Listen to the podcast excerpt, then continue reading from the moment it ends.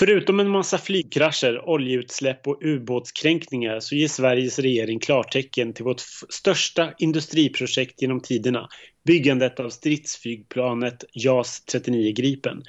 Aids skördar sitt första offer i Sverige och Ebba Grön och Hylands hörna tackar för sig. ABBA tar en paus, men Agneta får direkt en hit med The Heat Is On. Cola Light introduceras i Sverige och Jarl Kulle läser Nyårsklockan för första gången. William Flugornas herre Golding vinner Nobelpriset i litteratur och Sergej Lazarev, Marie Serneholt och John Lundvik föds. Och vi får hits som Flashdance, What a feeling, Karma Chameleon, Cruel Summer, Billie Jean, Girls Just Wanna Have Fun och Total Eclipse of the Heart. Finalen av Melodifestivalen hålls för första gången i Malmö. Det blir på centralt liggande Palladium den 26 februari 1983. Bibi Jons är programledare.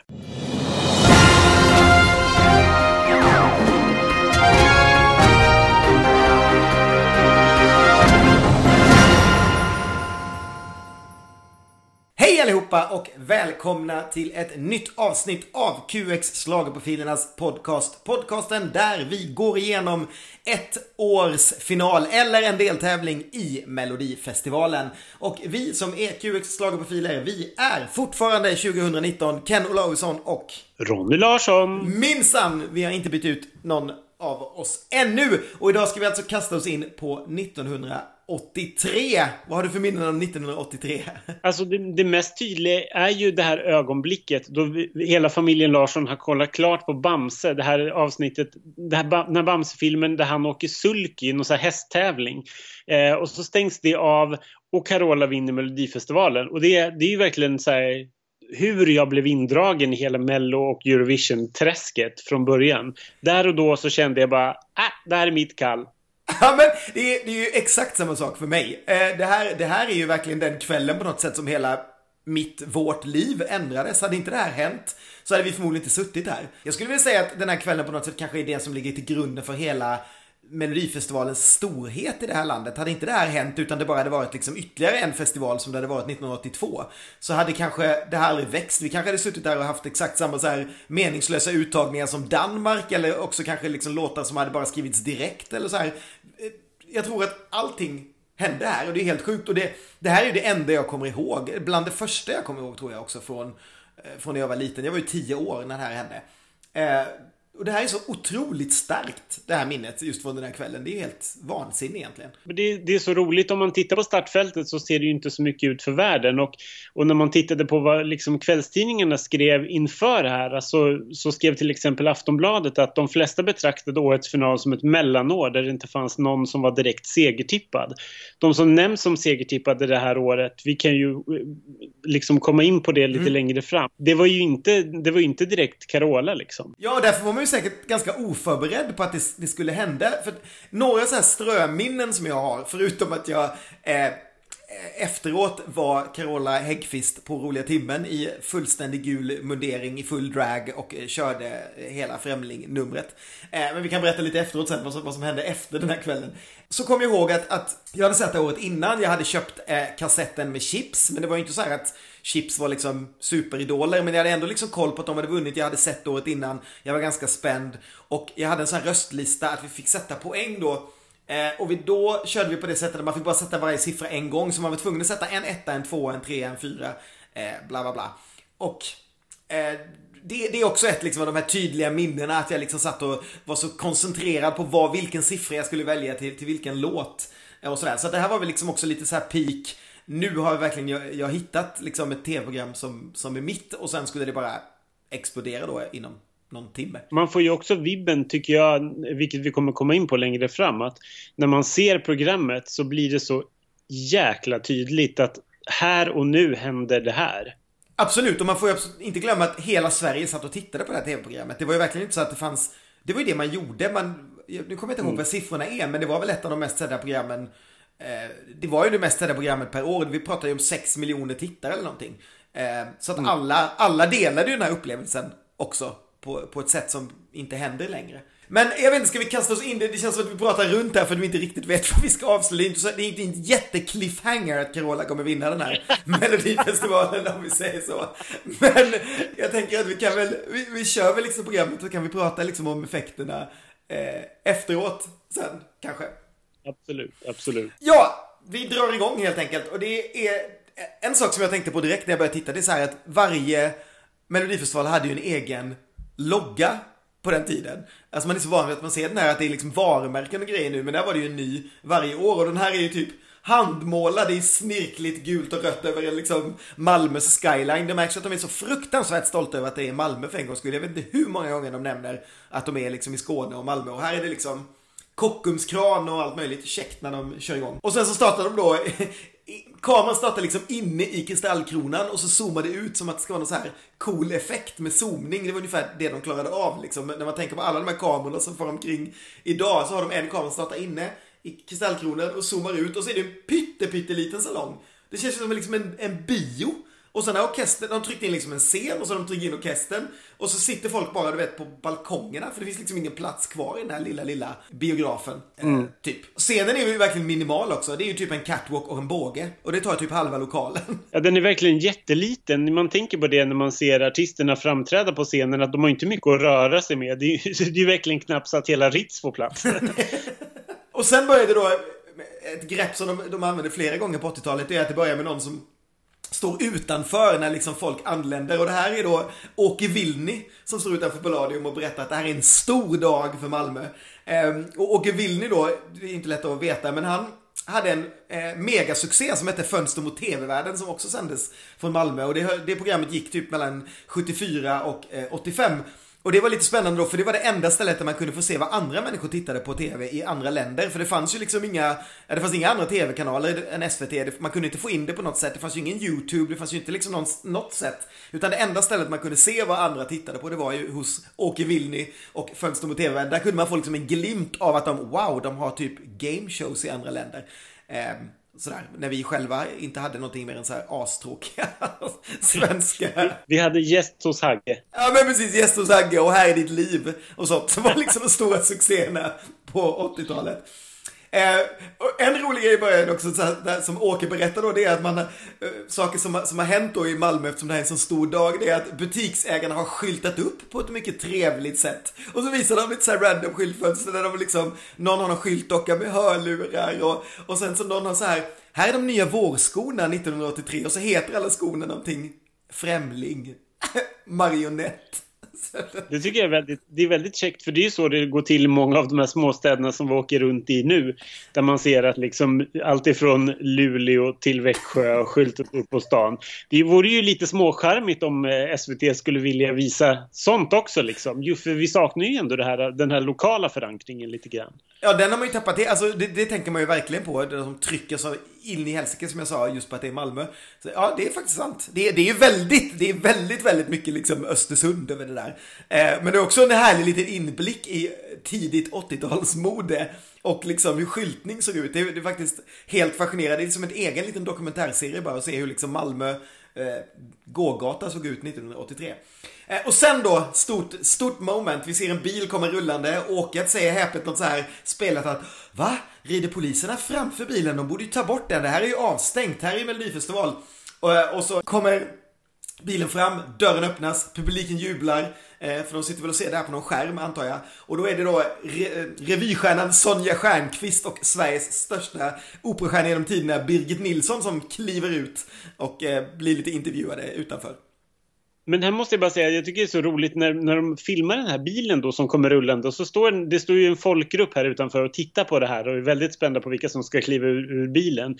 Och det här är filmat framför någonting som där det står så här exotica. Så vilket känns så väldigt tveksamt. Jag får liksom så här porrklubbsvibbar att de så här, alla människorna står utanför det. Jättekonstigt. Ehm, jag tycker att det är, lite, det är lite charmigt när de här två tanterna gör entré och man får höra om deras förväntningar på kvällen. Liksom. Ehm, men Sonja Stjernqvist framstod ju som den stora stjärnan medan Birgit Nilsson får, får väldigt kort tv-tid. Ja, det är jättekonstigt också. För att hon är ju verkligen den stora. Men det är som att han inte vågar riktigt prata med henne eller att han är lite rädd att hon ska säga någonting Eh, inte bra, men hon är ju väldigt trevlig och sådär och liksom känner sig spänd på kvällen och verkar jättelycklig över att få komma in och titta på en melodifestival för en gångs skull när det kommer till Malmö. Ehm, och sen så åker man över till eh, kvällens dirigent som faktiskt inte är Anders Berglund utan Anders Ekdal. Och sen presenterar man då kvällens programvärd Bibi Jons, som du berättade i början. Hon ser ju underbart 80 ut, måste jag säga. Jag tror inte man kan se mer 80 ut än henne. Hon ser ju ut som Margareta i varuhuset. Superhärlig, med världens största glasögon. Ett väldigt liksom så här lagt fint stort hår och en liksom blus med volanger som, som räcker runt hela liksom Palladium nästan. Eh, jag tycker att det, det är superkul. Hon, känner, hon är lite det är ett lite intressant val att man har valt henne som programledare för det här var ju någon, det var ju ett oprövat kort lite grann.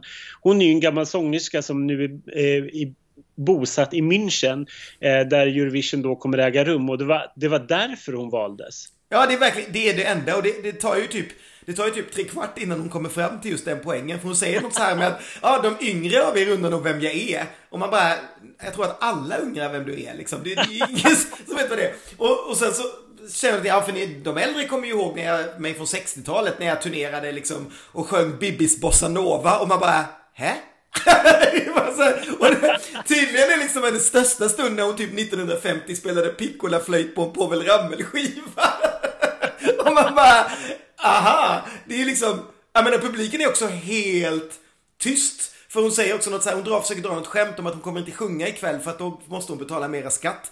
Och det landar liksom, eh, det, det är liksom ingen som, det, det, publiken är verkligen inte alls med på hennes noter då. Och sen så berättar hon om det slutat. så, Nej, och mycket handlar ju också om henne och hennes svenska. Att hon, att hon är lite osäker på det svenska språket. Men jag måste ju ändå säga att hon, hon sköter det över förväntan tycker jag. Jag har också en bild av att hon fick lite, lite skit för att hon inte var så bra. Men jag tycker att hon är, hon är helt okej okay, trots att liksom skämten faller lite platt. Precis så tycker jag också. Alltså det, och det är ju egentligen någon som har skrivit hennes manus som borde få stryk. För hon kan ju inte leverera de där skämten överhuvudtaget och de är inte speciellt kul heller. Så jag menar, det är verkligen inte hennes fel utan hon, jag tycker bara att hon är så här Ja men som du säger, genomgående så är inte hon så dålig. Hon är lite torr. Och hon, liksom inte, hon kan inte leverera skämten utan att det låter som hon läser dem liksom. Hon, hon säger väl någonting så här om att hon, ja, hon försökte lära sig svenska genom att se eller att producenterna sagt till henne att se på svensk TV så hon kunde lära sig svenska. Så nu har jag lärt mig massa engelska. Och så blir det bara dödstyst för att det liksom inte, det är någon sorts pik på att, förmodligen någon debatt om att det var för mycket engelska program på tv eller någonting. Men ja, hon, hon borde nog inte ha en sån här ståupprutin i början som hon har. Men, men, men, när man inte tror det kan bli värre, vad händer då? Då kommer Rydbergs dansstudio in och dansar till förra årets vinnare. En mycket glad jazzdans till dag efter dag. Med fyra käcka ungdomar. Och alltså, så folk dansade då. Det, det är helt, det är så fascinerande. Alltså hur dans såg ut 1983. Ja, det är inte, det är inte jättekul. Det är inte ett jättekul ögonblick för det går inte speciellt snabbt utan de, de dansar ju typ hela låten. och sen är de ju dömda till line dance för scenen är ju typ 50 centimeter bred. Så de kan ju inte göra någonting annat än att stå liksom på rad och så sträcka ut armarna och benen. Det är liksom som någon sorts Ja, men jag menar Flashdance som du nämnde i inledningen hade ju liksom kommit samma år. Det, det är inte riktigt den nivå på dans, men det är ju verkligen den här typen av jazzdans. Du vet, arm ut, ben ut, snurra ett halvt varv, runt, arm fram, arm bak, leende. Man bara, mm, Okay. Jag, vill inte för, jag vill inte på något sätt förringa deras insatser men det känns ju lite grann som att hade det här hänt idag så hade man liksom, man hade plockat fyra personer som skulle vara i publiken. De hade fått lära sig de här rörelserna på, på två timmar och sen hade man dragit upp dem på scenen. Det är inte jätteavancerat tycker jag i alla fall att det ser ut som. Men vi kan väl vi får ringa upp någon dansexpert och fråga hur, hur lång tid tar det för en medioker dansare att lära sig de här rörelserna? Och sen kommer ju också Ulf Elving in Eh, med Bibis enorma glasögon. För när man inte trodde det kunde bli mera 80 så går hon in med två glasögon som är större än Skövde liksom och sätter i ansiktet. Då kan jag passa på att berätta då att hon hade tre glasögon att välja mellan. Så att det, var, det var noggrant utvalt att hon skulle ha på sig dem hon bär i programmet. Och jag, jag kan också berätta att apropå Ulf Elving så var ju han där, han var ju där officiellt då för att han skulle lämna eh, eller kommentera i München. Men han var också intagen som reserv för att Bibi Jones hade nämligen tre eh, veckor innan hon ställde sig på scenen fått eh, problem med hjärtat då hon hade fått oregelbunden hjärtrytm. Så produktionen bakom Melodifestivalen hade blivit lite nervösa men tystat ner det här helt och mörkat det och de hade haft en programledare det är inte nämnt vem det var, men en kvinnlig programledare var redo först att rycka in om det skulle bli katastrof.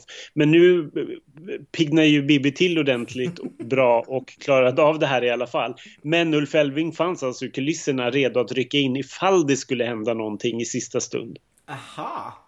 Det är ju å andra sidan liksom ett litet skämt som funkar. En sån här klassisk, det är ju nästan lite Edward of Silén på det där att det kommer in någon känd i en sekund och gör någonting och mm. sen bara går ut igen. Eh, så. Här berättar då, om vi, om vi går tillbaka så berättar ju Bibbe här då att det kom in tusen bidrag. Jag vet inte om, om det verkligen var på pricken tusen eller om det var ungefär, men hon säger att det kom in tusen bidrag och som gallrades ner till 90 av Musikläggarnas förening och sen så valde en jury ut då eh, 10 stycken. Så, och så berättar hon lite om reglerna också. Det sitter jurygrupper ute i landet som det brukar göra och de ska gradera alla låtarna och sen så ska man köra två omgångar. Det gjorde man ju ganska ofta på Eh, 80-talet. Och då gallrar man ner det till fem och sen så kommer de att köra om och så kommer juryn rösta igen och eh, ja, avlämna sina röster. Eh, en sak som jag tänkte på också är att de nämner ju eh, ingenting om vem som har skrivit låtarna här. Det är ju så här superviktigt numera så är det ju, ja det är låtarna som tävlar och man vill trycka på låtskrivaren och hela grejen. Men här skulle ju det vara hemligt av någon anledning som jag inte riktigt vet. Så man får inte veta vem som har skrivit låtarna, man får inte veta vem som har arrangerat dem. Det är ju liksom lite motsvarigheten till att producera låtar nu för tiden. Det känns ju som ett märkligt grepp tycker jag, för det känns ju inte jätteviktigt på något sätt att, eh, att, att hålla det hemligt. Eh, vad, vad, vinner man på det undrar jag? Liksom att, att då, är det att det, det var en låtskrivartävling? Antagligen, typ. så att, att, att, att de som sitter i juryn inte skulle påverkas av om det var liksom ett, ett känt namn som hade skrivit låten utan att det ska liksom bara vad som är en överraskning. Det, vi, när vi kommer till det sen, det blir ju en liten antiklimax sen då när de väl ska ropa upp vem som har skrivit vinnaren mot slutet. Ja, och apropå jurygrupperna så var det, det under 80-talet så var det ju ett väldigt hattande fram och tillbaka hur man delade upp, hur man skulle liksom tillsätta de här jurygrupperna, om det skulle vara liksom åldersbaserat eller om det skulle vara eh, grupperingar från olika reg regioner i landet. Så att året innan då hade det ju varit eh, åldersgrupperingar men nu var man tillbaka till de här grupperingarna från olika delar i Sverige och då satt de här grupperna i, just i sina regioner och avlämnade rösterna därifrån. Men det kommer vi tillbaka till när det är dags för att lämna rösterna. Vi hoppar väl rakt in på låt ett, eller vad tycker du? Mm, absolut. Då är det så att melodi nummer ett heter Marionette. Den framförs av gruppen Ritz och den har skrivits av Monica Forsberg och Peter Wangren. Marionette, vem har du gett dina små trådar? Marionette,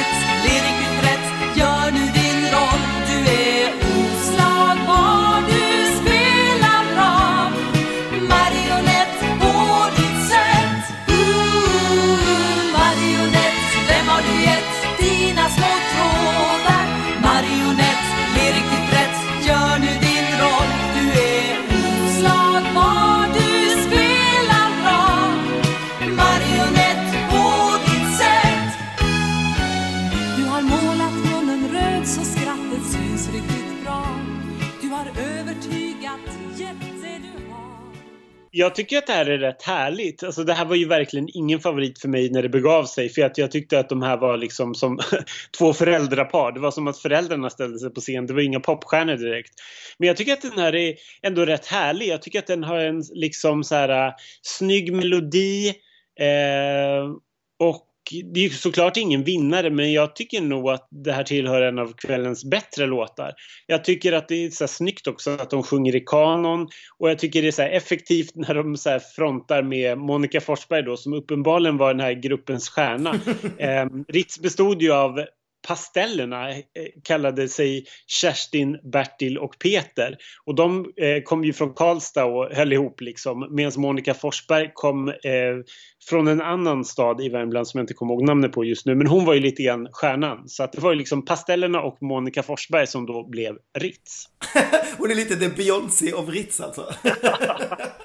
Alltså den här, jag älskade den här låten när jag var liten. Den satt liksom benhårt i min skalle. Det var beroende på att det här blev så stort sen då så började jag ju typ eh, tokälska liksom massa låtar från, från det här året. Och jag, jag, jag, med, jag tycker fortfarande den har ju, något, den har ju någonting tralligt. Det, det, fin, det är ju en bra låt liksom. Sen kanske inte det är något som ska vinna Melodifestivalen men det är ju verkligen ingen låt man undrar varför den är med. Eh, och sen ska jag tycka, de har ju inne någon så här lite halvt eh, otäck marionett-dock-dansare. Och det är, det är nästan lite breakdance.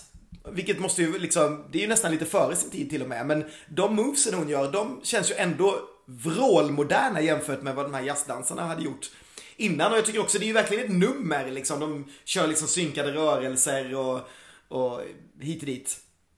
Eh, och det är som du säger, det är mycket Monica. Sen är det väl en av de andra, jag vet inte om det nu vet jag inte vem av killarna det är. Var det han Peter som hade skrivit låten som är den som sjunger eh, jättemycket mot slutet? Det får jag låta vara osagt, jag vet inte. Men det är ju en, en kille till som får, får lite mera plats mot slutet. Men, eh, nej men den, den är härlig.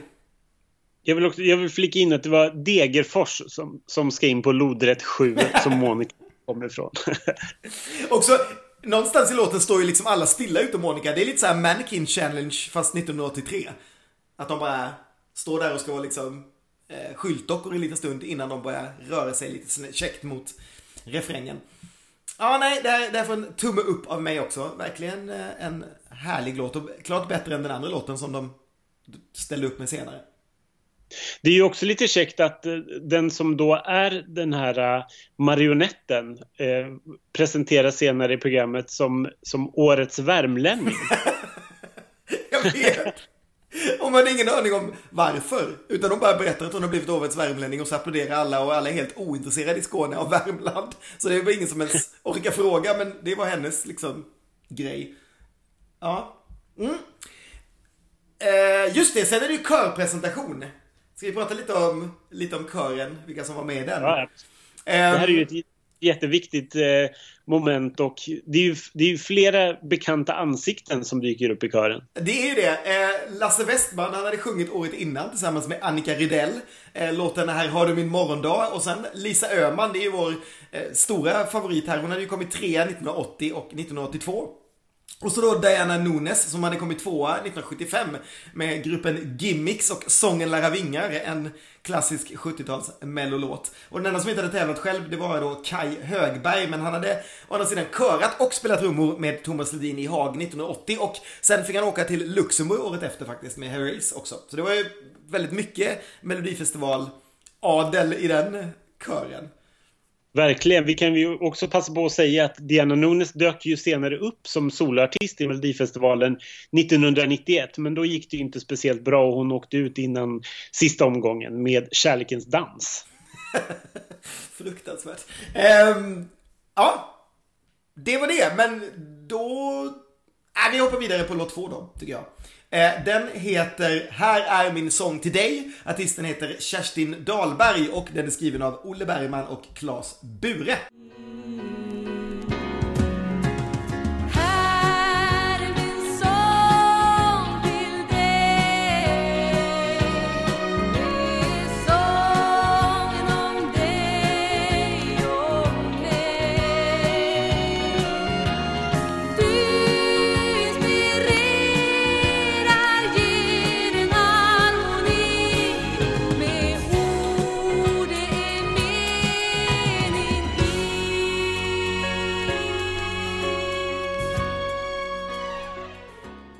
Ja du, det här tänker man först att det är liksom Lindarv i drag tycker jag. När man, när man ser henne från början. Det, det är lite...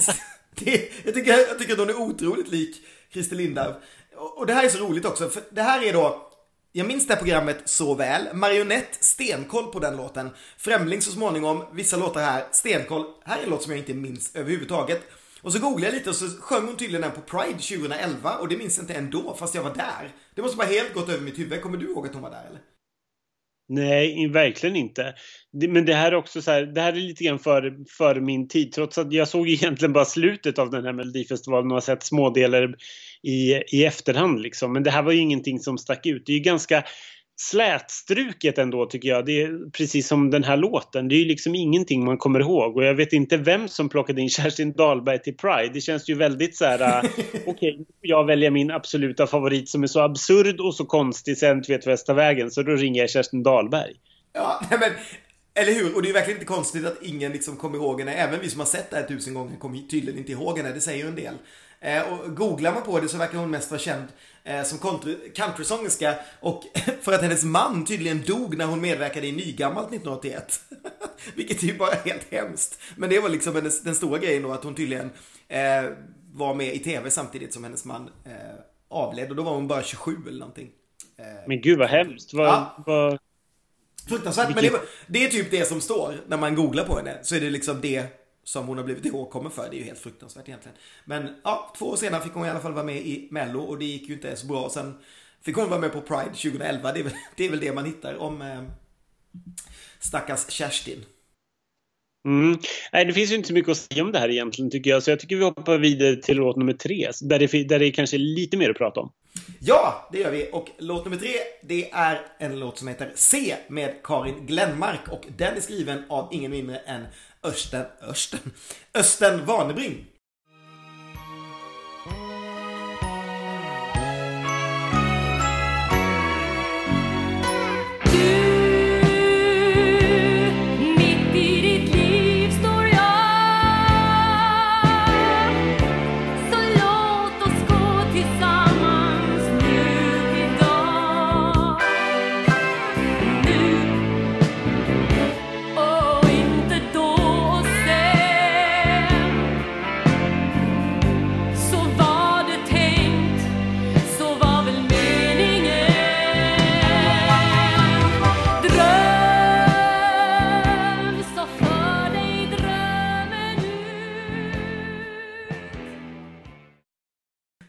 Tycker du om C?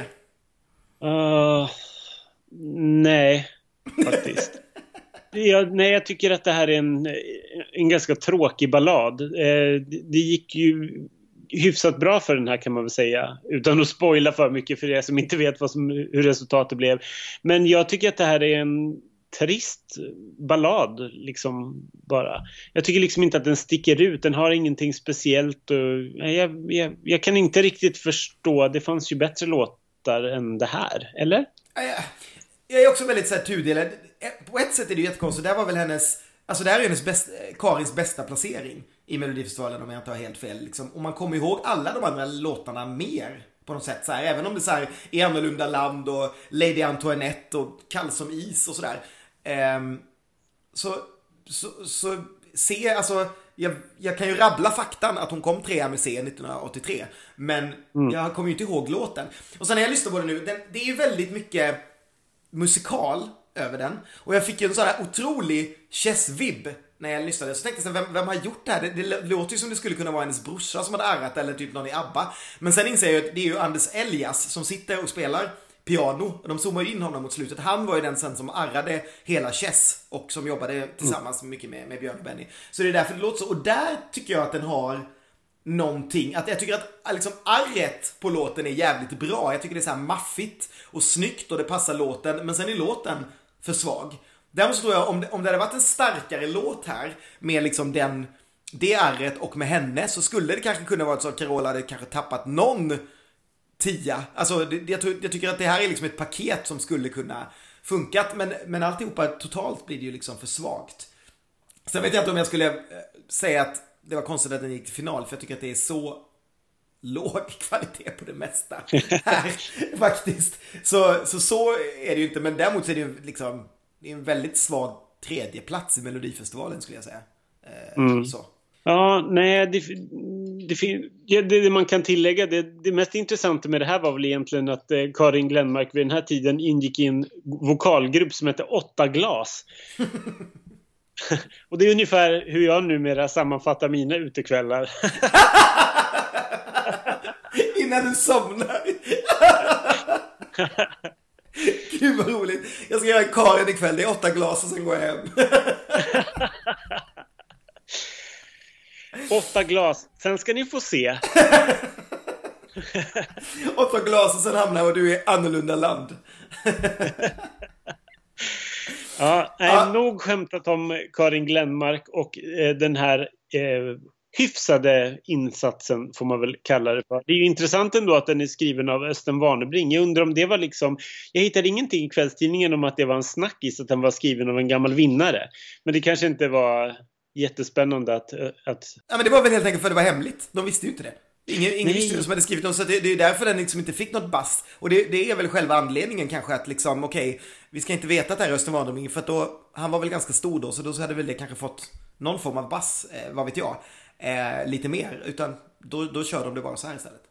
Stor och stor. Han var med i Gäster med gester då och då.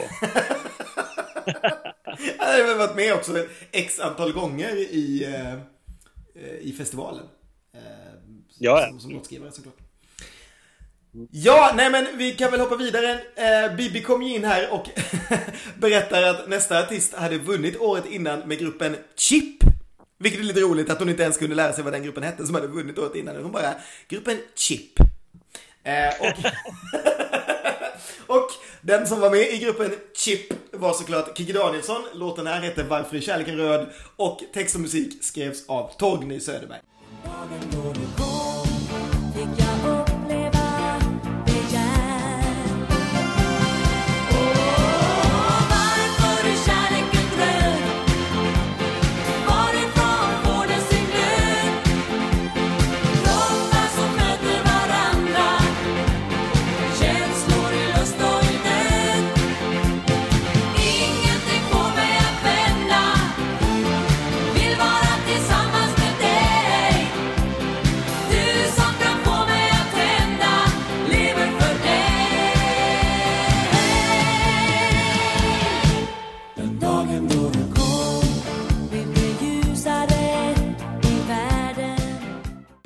Lite snygg slager kan jag tycka. Eller den är, den är liten, eh, ofta ganska bortglömd Kikki och Torgny-låt. Det är inte så att man hör den ute på slagergolven direkt.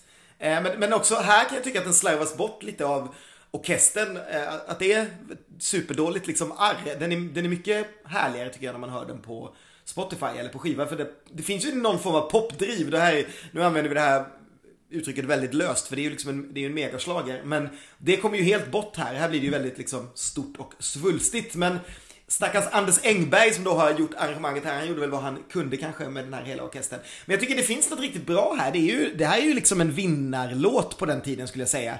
Eh, på något sätt. Kikki härligt glansig rosa, lite som Agneta Fältskog då på den här skivan som du pratade om då hon hade fått sin första hit.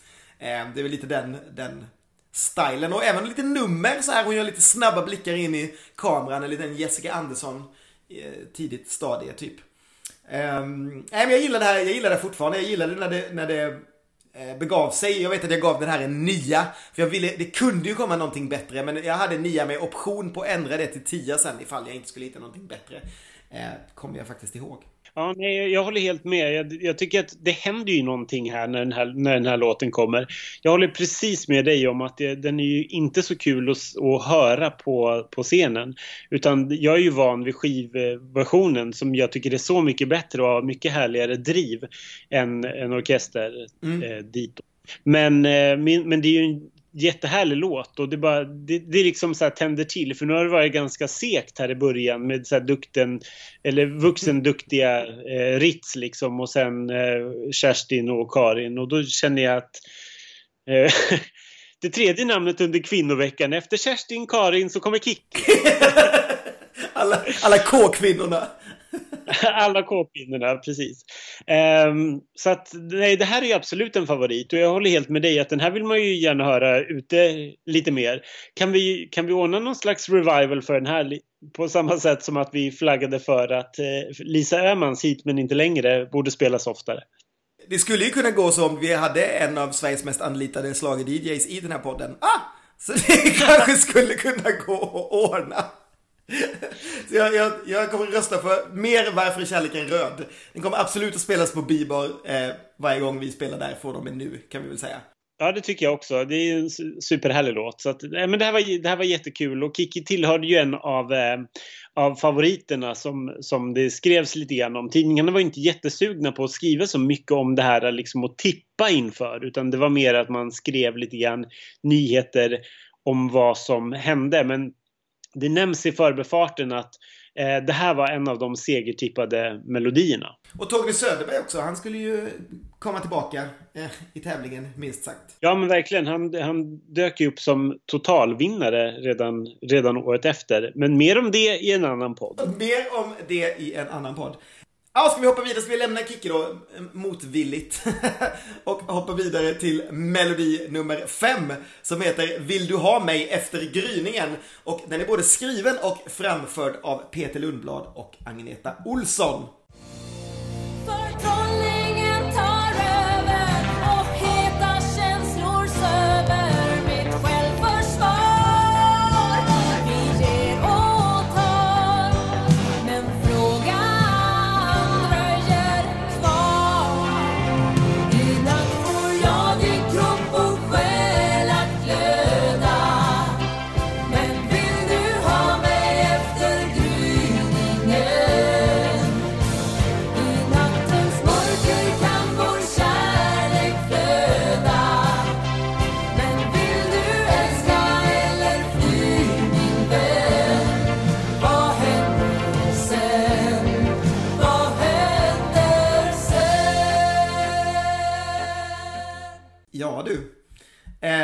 Här måste ju Bibi förklara vem Peter Lundblad är för att vi känner väl mest igen honom som han som skrev Ta mig till havet men den kom ju inte förrän tre år senare.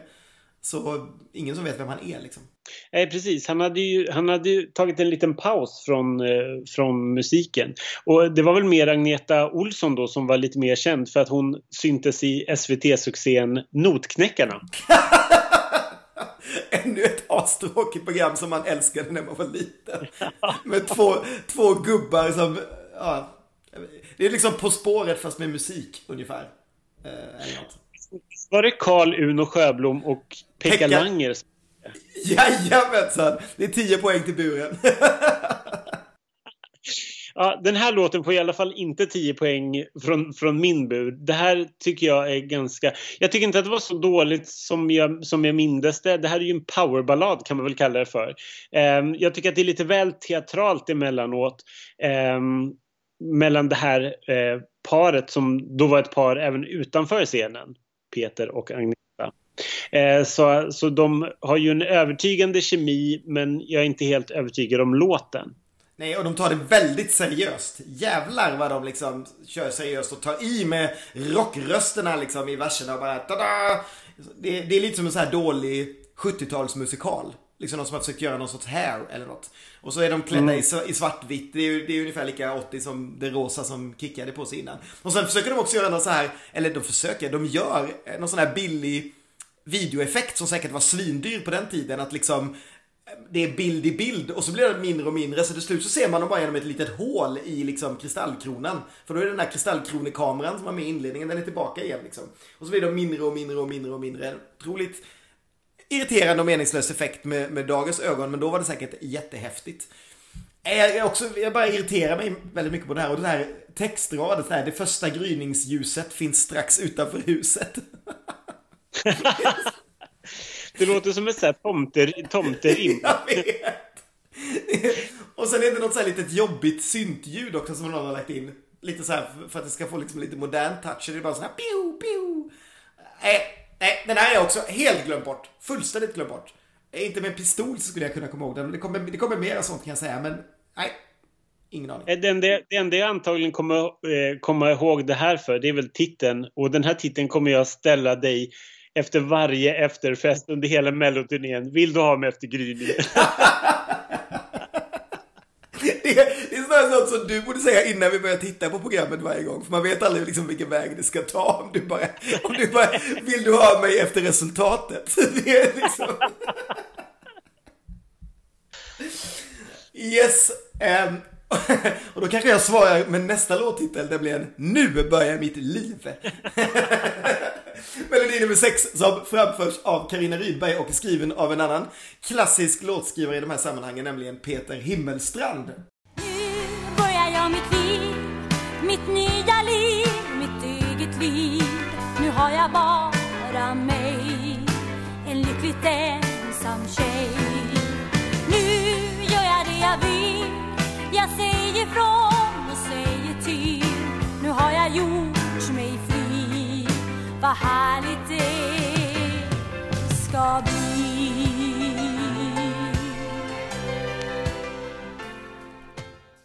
Och här, här säger Bibi innan att det här är en tjej som sjunger mycket målmedvetet. Man bara, jaha. Ibland förstår man liksom inte ens vad, om det är ett skämt eller vad hon vill. Men så kommer det en liten glimt också för att hon berättar också att eh, Eh, Karina hon har tränat både kropp och röst innan hon steg upp på scenen. Det är, det är lite den här 80-talets eh, eh, fitnesstrend på något sätt. Och återigen för övrigt en kvinna som börjar på K. Det var nog en jäkla trend det här 80-talet. Men glöm det nu för det viktigaste här det är håret och axelvaddarna. Alltså allvarligt, hon är liksom så bred upp till så att hon knappt får plats i rutan liksom. Det är helt otroligt. Och så är det sådana här härliga textrader som Nu har jag bara mig, en ensam tjej. Plus att hon gör en sån här underbar sjunga över axel-move. När hon liksom bara står still med kroppen men bara vrider huvudet så man nästan tror att det liksom ska gå av. Det, det, det är lite med eh, skräckfilms-move över det hela. Och så, så bara stirrar rakt in i kameran och kör med micken. Det känns så underbart härligt eh, 80. Och sen tycker jag att hon är så här omöjlig att gissa åldern på. Hon kan ju vara liksom allting mellan 20 och 43. Eh, där. och sen har jag googlat lite på henne vad hon gör nu och då är hon så här värsta showmom. Eh, hennes dotter heter Kimberly Rydberg och hon är någon så här eh, stor musikalstjärna i Stockholm och har liksom haft stora roller i alla möjliga så här Sound of Music och hit och dit. Så hon liksom går där bakom sin dotter och är värsta så här amerikanska showmamman. Ah, ja, låten är totalt meningslös för mig. Glömmer bort den helt. Ja, nej, det är verkligen inte låten man, man kommer ihåg. Och det är som du var inne på. Man, man kan ju gissa sig till alla rim. Alltså, när hon sjunger första raden så kan man gissa på vad hon ska, vad hon ska rimma på i, i följande liksom, strof.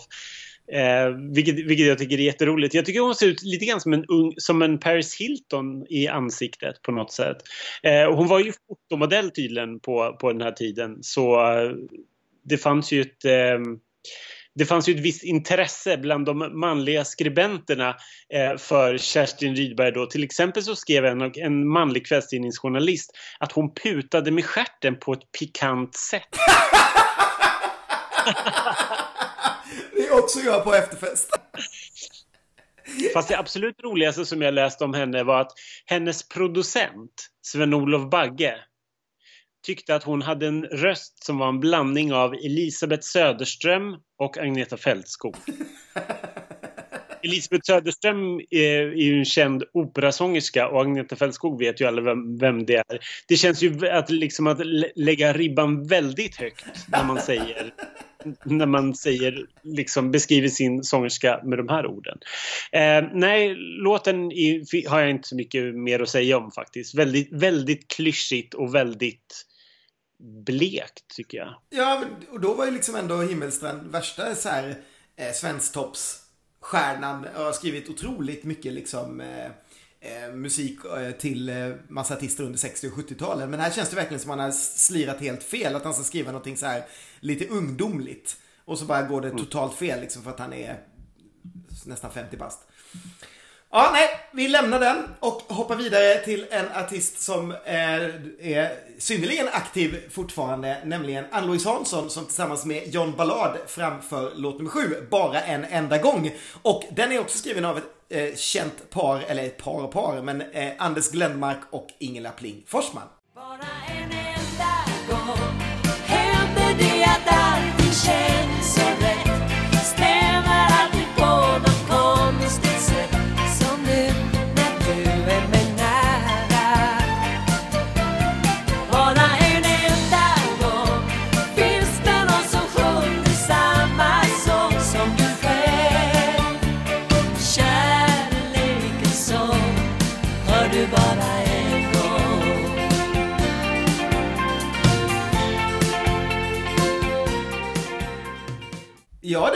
vad tycker du om det här då? Eh, den här tycker jag är ganska check faktiskt. Den här, det roliga är att jag, jag fattade inte att den här var med i Melodifestivalen för, för väldigt många år eh, senare efter att den hade varit det. Vi hade nämligen den här på singel hemma, på vinylsingel och den spelades för jag kommer ihåg att mamma tyckte att den här var jättebra. Men jag fattade inte att den kom från Melodifestivalen. och sen eh, dök den upp. Men jag tycker att den är, jag tycker att den är rätt käckt. Jag har ju alltid liksom haft en soft spot för Ann-Louise Hansson och hennes sätt att sjunga. Hon liksom fraserar på ett så härligt sätt tycker jag och, och betonar orden eh, väldigt, väldigt eh, intressant ska jag säga. Alltså, jag, jag, men jag gillar Ann-Louise och det, det, är jättekul. Det skrevs ju jättemycket om, det här var också en av de favorittippade låtarna. Eh, och det skrevs väldigt mycket om Ann-Louise inför Melodifestivalen det här året det, eftersom det var 20 år sedan som hon debuterade i mellosammanhang. Mm -hmm. eh, sen tycker jag att det också att det är lite intressant här med, med John Ballard eh, som var från Skottland. Och, och senare i programmet drar något skämt om att, att, att man är lite nyfiken på hur, vad, vad skottarna har under kjolen, eller under kilten. Eh, och han John Ballard upptäcktes också i Hylands hörna, precis som eh, Carola gjorde. Men i Carolas fall då så var det ju Bert Karlsson som kastade sig över luren. Det här det har, ju, har man ju läst så många gånger. Bert Karlsson kastade sig över luren och ringde och fick tag på Carola då direkt efter, efter att hon uppträtt i Hylands hörna. Och samma sak var det tydligen med John Ballard som hade uppträtt i Hylands hörna. Men då var det Bruno Glenmark som han före Bert Karlsson och liksom det, det, det, så här, gick det till så här? Var det liksom så här aktion att skivbolagsmänniskor satt framför, framför rutan och bara tittade på de här enda musikprogrammen som gick och bara ah, där kom den och så bara ringer man och bara honom vill jag ha. Antagligen. Det, det, det, var ju säkert så liksom. Eller i alla fall de här, alltså de som var mer populärmusik, eh, alltså som skulle liksom växa som var lite i startgroparna där. Så kan jag tänka mig att det var precis så det var. Eh, vilket är lite häftigt. Det gick ju rätt bra för John Ballard sen då, även om inte han blev någon Carola efter det här programmet. Så kan man ju lugnt säga att det gick hyfsat för honom. Hej pengar när han eh, proddade Ace of Base bland annat.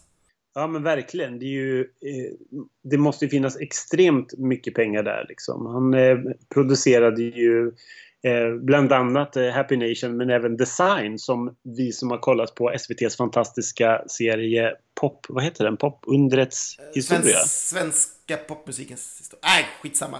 Ja, ja. precis.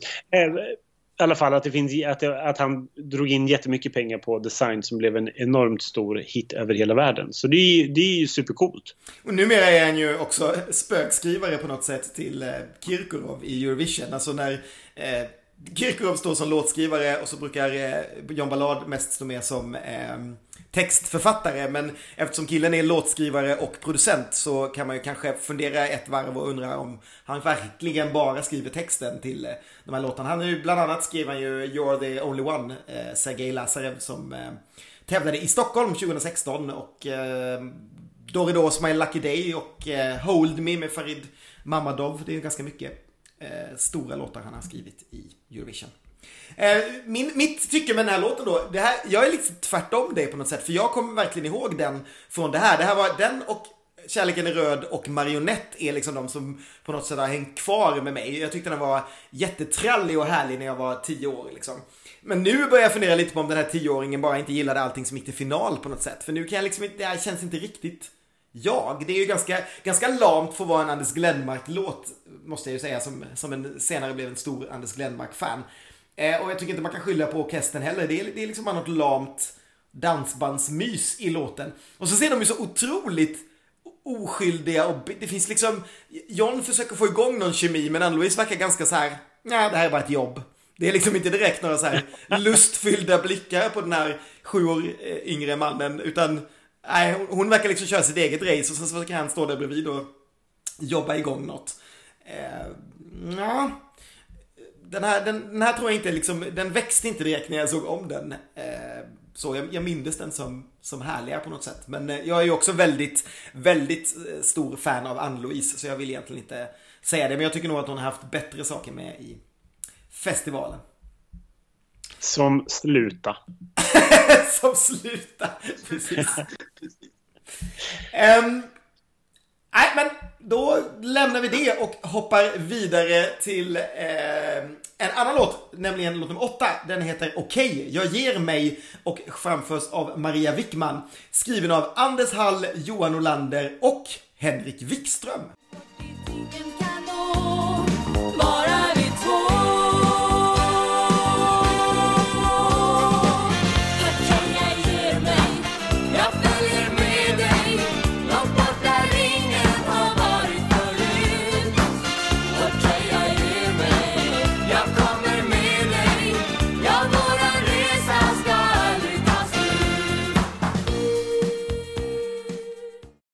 Ja du, det här är Henrik Wikströms debutlåt i Melodifestivalen och med Putte Wickmans dotter. Så är, det, är det ett namn som säger farbror någonting? Putte Wickman, inte han en känd klarin, klarinettist? Absolut, precis. Han var en, så här, också lite kändis som dykte upp i eh, nygammalt och eh, Hylands hörna och sånt på den här tiden. Och det här var då alltså hans dotter som var med för andra året i rad. Um, Ja du, det här är ju verkligen en hot mess skulle jag vilja säga. Det är liksom, det, det är superskum låt för jag tycker nämligen att det finns något här i refrängen typ. Det, det, det, är no, det är någonting med den som gör att den känns lite ungdomligare än den andra. Det kan vara att den ligger direkt efter den där dansbandslåten också. Men det finns någonting i den. Men hon är ju verkligen urkast tycker jag, minst sagt. Och sen plötsligt mot slutet så får en av körkillarna ta över låten helt själv. Det är precis som att hon inte orkar sjunga mer. De bara, kameran lämnar henne, de sätter ljuset på den här körkillen och så börjar han sjunga låten. Typ en stämma som hon lika gärna skulle kunna gjort. Det är så helt obegripligt varför någon kom på att, att han skulle sjunga den på slutet. Nej, jag håller helt med. Jag tycker att det, det här är bara jätte... Rö, eh, konstigt. Det här, är, det här är ju det sämsta skulle jag säga den här, äh, den här, den här kvällen. Just för att man blir så tagen av att hon sjunger falskt. För det, det, tycker jag inte att någon av de andra lyckas med. Nej, det, det här tycker jag var jättemärkligt att, att man får också en chans året efter. Liksom. Varför, var, varför var hon så intressant att satsa på liksom? Nej, det är jättekonstigt. Det måste vara för att hon var dotter till Putte Wickman. och, från, och eh, syster till Basse Wickman som, är, som var en sång, sångare. Ja, jag tror vi får prata lite med Henrik Wikström någon gång om eh, vad han tycker om den här låten eh, idag. Men, eh, mm, nej.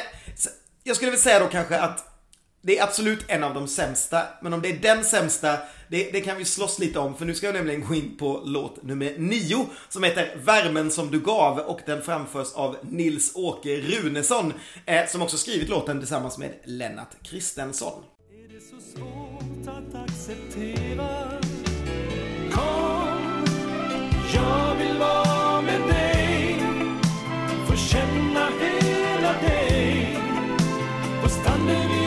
vid ett blinkande hav, någonstans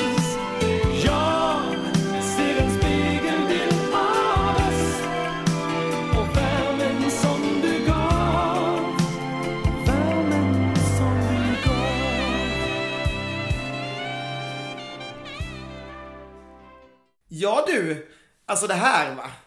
Det här har jag ju aldrig hört. Alltså, om jag, nej alltså det, det, det ja. det finns så mycket frågor här också tycker jag. Eh, dels hade han ju tydligen varit med innan, 1975, med melodin Oh Juicy, som kom sist eh, då. Så att det var ju käckt att han fick komma tillbaka. Så förstår jag inte varför han bryter på tyska, för att han är tydligen född i Jönköping. Bryter man på tyska om man sjunger på småländska? Eller jag fattar inte riktigt. Han har en otroligt märklig dialekt. Det tycker jag behöver utredas. Och så tycker jag det här är en sömnig jävla skitlåt. Och sitt inte på en stol om du har en sömnig jävla skitlåt. Man orkar inte med 30 sekunder av den här låten innan man har somnat. Uh, nej, inte min påse alls. Det här tycker jag nog är sämst. Nej, ja, det, det, den förra låten slåss ju definitivt med det här, eh, med den här låten. Jag håller, jag håller helt med. Det här var ju en eh, reklamtecknare då som, som hade liksom eh, fuskat lite grann utanför, scen, utanför reklamtecknandet med, med sången om jag fattade det rätt.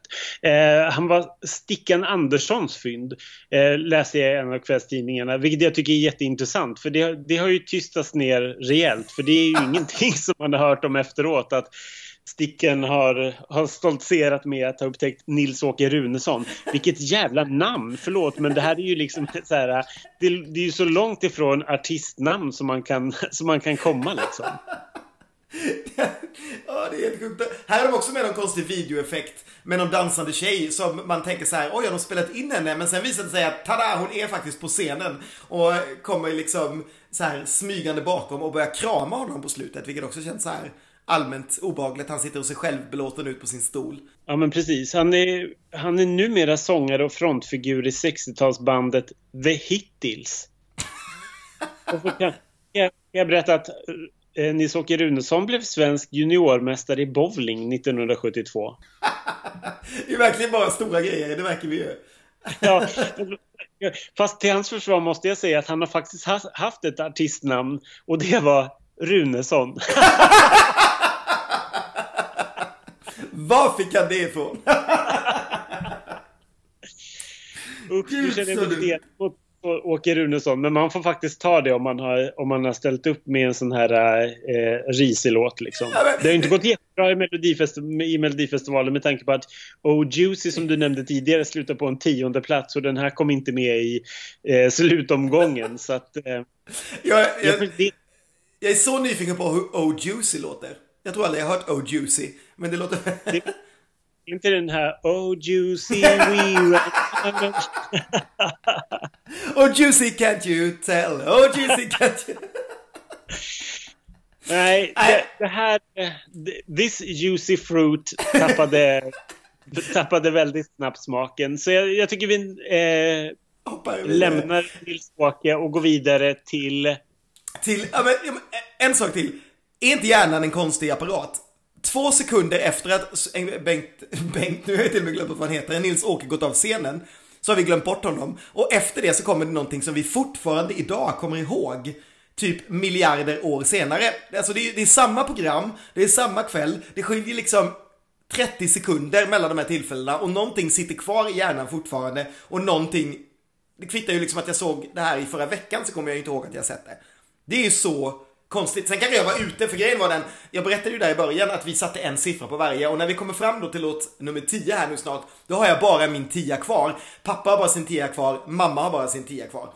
Eh, och syrran har också bara sin 10 kvar och det är ju nästan upprorstämningar i familjen för vi tror inte att det ska komma en låt som alla ska sätta en 10 på. Så jag kanske var ute och hämtade suddgummi eller någonting under Nils Åke, så det kanske är det som gör att jag inte minns den. Men här då kommer låt nummer 10. Ett av slagerhistoriens största ögonblick. Främling med Carola Häggkvist skriven av Monica Forsberg och Lasse Holm.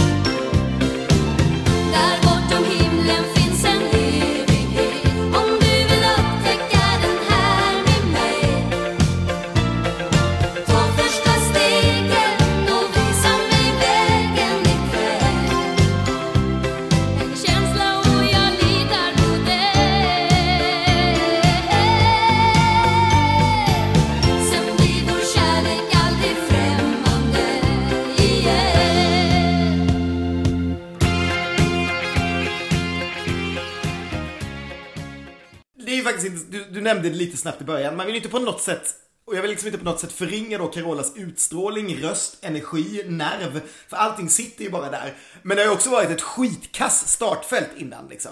Det har ju varit en så här ljum jäkla kväll där folk liksom, det här är då årets program som alla ser. Och så har det varit nio superljumma låtar med artister, liksom de två senaste har varit eh, liksom Nils-Åke Runesson och Maria Wickman det, det, är ju, det är ju upplagt, alltså vem som helst med en hyfsad låt skulle ju verkligen kunna slå här. Och så kommer det någon då som är liksom enorm på något sätt. Ja men verkligen. Det, det här, jag sa att det händer någonting när Kiki dyker upp eh, med sin, eh, sin låt i, i, mitten av programmet där. Men det här är ju verkligen så här eh, wow. Det känns bara så här, det känns så här fräscht Eh, Eh, hon är ung, hon har ju karisma så liksom det knäcker ju hela startfältet och, och sjunger ju fantastiskt. Man fattar ju verkligen att hela Sverige stannade upp då att eh, de här 6,1 miljoner tittarna som fortfarande är den högsta tittarsiffran för ett program i Sverige eh, bara blev helt till sig och att hon sen sommaren efter liksom sålde ut eh, hela Folkpark-Sverige liksom och sålde rekordmycket av debutplattan. Eh, för det här är ju bara wow, känner jag. Det var precis som du var inne på att det, det här är ju liksom en, eh, vad ska man säga, det här är ju eh, liksom the Melodifestivalen ögonblick tycker jag. Ehm, sen måste jag säga att jag har ju alltid gillat låten. Jag har ju alltid tyckt om Främling. Jag har liksom aldrig tröttnat på den direkt heller. För jag, den, den, har fått ligga och vila i bakhuvudet liksom. För att man, och det är inte så att jag spelar den liksom eh, kontinuerligt. Men varje gång jag hör den så tycker jag att så här, ja, men fan, det här är en bra låt. Eh, fortfarande. Mm. Jag är ju, jag är ju lite, inte med dig där. Eh, som du ju vet. Däremot när, när, när, när det här hände liksom. Så älskade jag ju låten. Det var ju typ den bästa låt jag hört. Jag var ju besatt av Främling. Men sen genom åren så har jag kommit tycka att den är rätt trist. Jag tycker liksom det är någonting i uppbyggnaden på den som inte funkar för mig överhuvudtaget. Jag tycker att det är så här. Jag har liksom önskat att det kunde varit någon bättre låt som hon hade haft. För det, det är ju väldigt mycket hon. Men och jag måste säga att jag lyssnar, jag lyssnar väldigt ogärna på den. Jag skulle aldrig få för mig att sätta på Främling och den finns inte med på några så här slager eller mellolistor jag har alls. Vilket är ju jättekonstigt med tanke på hur besatt jag var av den då. Men här så lyser den ju liksom som en diamant bland de andra låtarna. Den är liksom effektiv, den är snyggt uppbyggd, den har så här perfekta ställen för lagom mycket röstonani så man fattar vilken un, liksom grym sångerska hon är. Eh, det är verkligen så här en liten guldklimp. Som sagt, som jag sa i början, jag tror det här förändrade Mello mycket mer än vad till exempel Waterloo gjorde, även om man alltid pratar väldigt mycket Waterloo och ABBA eh, som kanske ett väldigt stort moment i svensk, så tror jag att det här och den här kvällen är väl liksom grejen. Och kanske mer än liksom i München sen då det också ju var enormt mycket människor som tittade eh, och allt det där, så tror jag att just den här och de gula kläderna och hela den grejen ändrade liksom. Jag tror liksom inte, vi hade nog inte haft liksom Euphoria och Måns och Perelli och allt det där. Det hade nog sett annorlunda ut tror jag. Eh, jag tror att till, exempel att det betyder ju mycket, mycket mera än kanske Herreys vinst året efter. Eh, Carolas grej det är också kanske svårt att se idag, men, men jag kan verkligen fatta att det här kändes liksom, att det här kanske var lite grann som ett Loreen-ögonblick, eller liksom mm. ett Euphoria-ögonblick, att man, man hade inte riktigt hört det här tidigare, för, att, för vad man ens, nu kanske jag är lite mer partisk med att jag gillar Främling så mycket, men jag tycker att den har så mycket, den här melodin, för jag tycker att den på något sätt är lite så här, den är lite, den är lite sexig och lite Far, nu låter det jättekonstigt att säga sexig och farlig om, om Främling. Men just, men hur den börjar så att... Alltså, förstår vad jag menar? Mm, att, sen, sen, sen är refrängen ganska ljus. Som Mona Lisa har sitt leende. Och det, som är väldigt så här slager. Men den har någonting lite, lite farligt i sig. I alla fall då kan jag tänka mig. Och det gjorde, var nog det som var att folk bara wow kan Melodifestival låta så här? För mm. nu i efterhand så är vi nog ganska mycket inne på att men det här är en traditionell slager. Men jag tror att där och då så kände nog folk att ja men fan det här är ju någonting helt eget som vi inte har hört tidigare. Så eh, Lasse Holm har ju verkligen fått till en otroligt ett, någonting otroligt stort liksom. Mm. Han var ju verkligen inne i sin så här bästa period då måste jag också säga. De skivorna som han gjorde med Eh, Carola där i början är ju verkligen, de är ju faktiskt fantastiska om man lyssnar. Det finns väldigt, väldigt mycket bra låtar som hade funkat. Säkert jättebra internationellt också, men det var, vi var ett väldigt litet land med inte någon liksom större eh, vana med något, att skicka något annat utanför landet än ABBA på den tiden. Eh, men mm. eh, ja, Nej, jag håller med. Jag håller med dig helt. Och, och som sagt, den, den Främling fick en liten revival nu när jag såg om hela det här programmet. Så mm. nu känner jag mig lite mer positiv till den än vad jag bara gjort nu några år. En, en liten kul grej är ju att Carola intervjuas tillsammans med eh, debutanterna Karina och Kerstin då. De, de gör en, en grej, jag tror att Expressen som gör typ tre trallande jäntor eller vad de kallar det här lilla repet då liksom. Och då pratar de här tjejerna, alla debutanter då om hur det, hur det är att vara med i Sveriges största tv-program. Och då säger Carola det här citatet det är drygt 4 miljoner som tittar och man kan bara hoppas att några av dem kommer ihåg en och köper de skivor man ger ut. ja du Carola, du, sku, du skulle bara veta vad som väntade dig efter den här kvällen. jag tycker det är så mycket sånt eh, här, liksom när man, när man sitter med facit i hand som är ganska roligt. Det kommer komma här nu snart emellan eh, spelet som ju händer efter den här låten, en grej som jag tycker är jätterolig också. Vi kommer till det om en liten stund. Um, Sen är Sen är det också ganska kul att i, eh, i de här texterna i kvällstidningarna inför att Carola skulle vara med så presenterades ju hon, vi kan, vi kan ju liksom historien med Hyllans hörna och att hon hade sjungit tidigare och sånt. Ehm, och, och, då står det att eh, de tyck, tänker att med rätt material så kan hon bli en ny Kina Easton. referenserna man hade på den tiden. Det roliga var att de stavade Kina Easton fel med CH istället för SH. Det var jätteroligt. så bra kollade liksom hade, hade tidningarna. Eh, men vi kan, vi kan väl också passa på att nämna att eh, en sångerska som vi nämnt och som var med, Kiki, hon var ju aktuell för den här låten. Eh, och erbjöds den först, men hon tyckte inte att rösten räckte till. Mhm. För att framföra Främling. Och det kan man väl verkligen säga att eh, Carolas röst gjorde. Och det var väl en av, eh, det är väl en av hemligheterna till att hon är en, fortfarande en av eh, Sveriges mest omtyckta artister. Kul! Ska vi gå vidare i programmet så kan vi prata lite mer om Carola eh, på slutet. Nej, jag vill få, jag är kvar i Främling. Du, du är kvar med din sexiga främling. Men då, då vill jag hoppa över till en annan sexig främling, nämligen Bibi Ons, som nu får äga den här mellanakten. Hon, för eh, efter det här då så ska ju eh, juryn överlägga och snart ta vidare fem låtar. Eh, det kommer också vara paus så att eh, det kommer in, jag antar att det är Aktuellt som ska in eh, i den här eh, mellanakten och publiken ska få gå ut och gå på toaletten och göra lite sånt. Eh, men sen när de väl kommer tillbaka så är det ändå en liten mellanakt och då åker Bibi hem till München för att visa upp eh, sin hemstad och sin katt med ett öra eh, och så vidare. Och det här är en oändligt trist turistguidning. Alltså man har, man har fått mindre info på en så här hop-on-buss än vad hon ger här liksom. Man får veta allt om München verkligen. Fast på ett oerhört torrt sätt liksom. Här har vi klockspelet här har vi det och här är populärt att gå och här är det, man bara Det är ju inte så att vi ska åka till München, det är en som ska åka till München. Så liksom något roligare kunde man väl kanske göra än, än att liksom, nej, jag vet inte. Oerhört torrt, men visst, folk visste väl liksom inte speciellt mycket kanske om, eh, om München. Även om det hade varit OS där bara tio år tidigare typ. Nej, nej, tydligen inte. Det enda som, som fastnade i det här var den där en, hennes, vad säger man, enörade katt Nicky.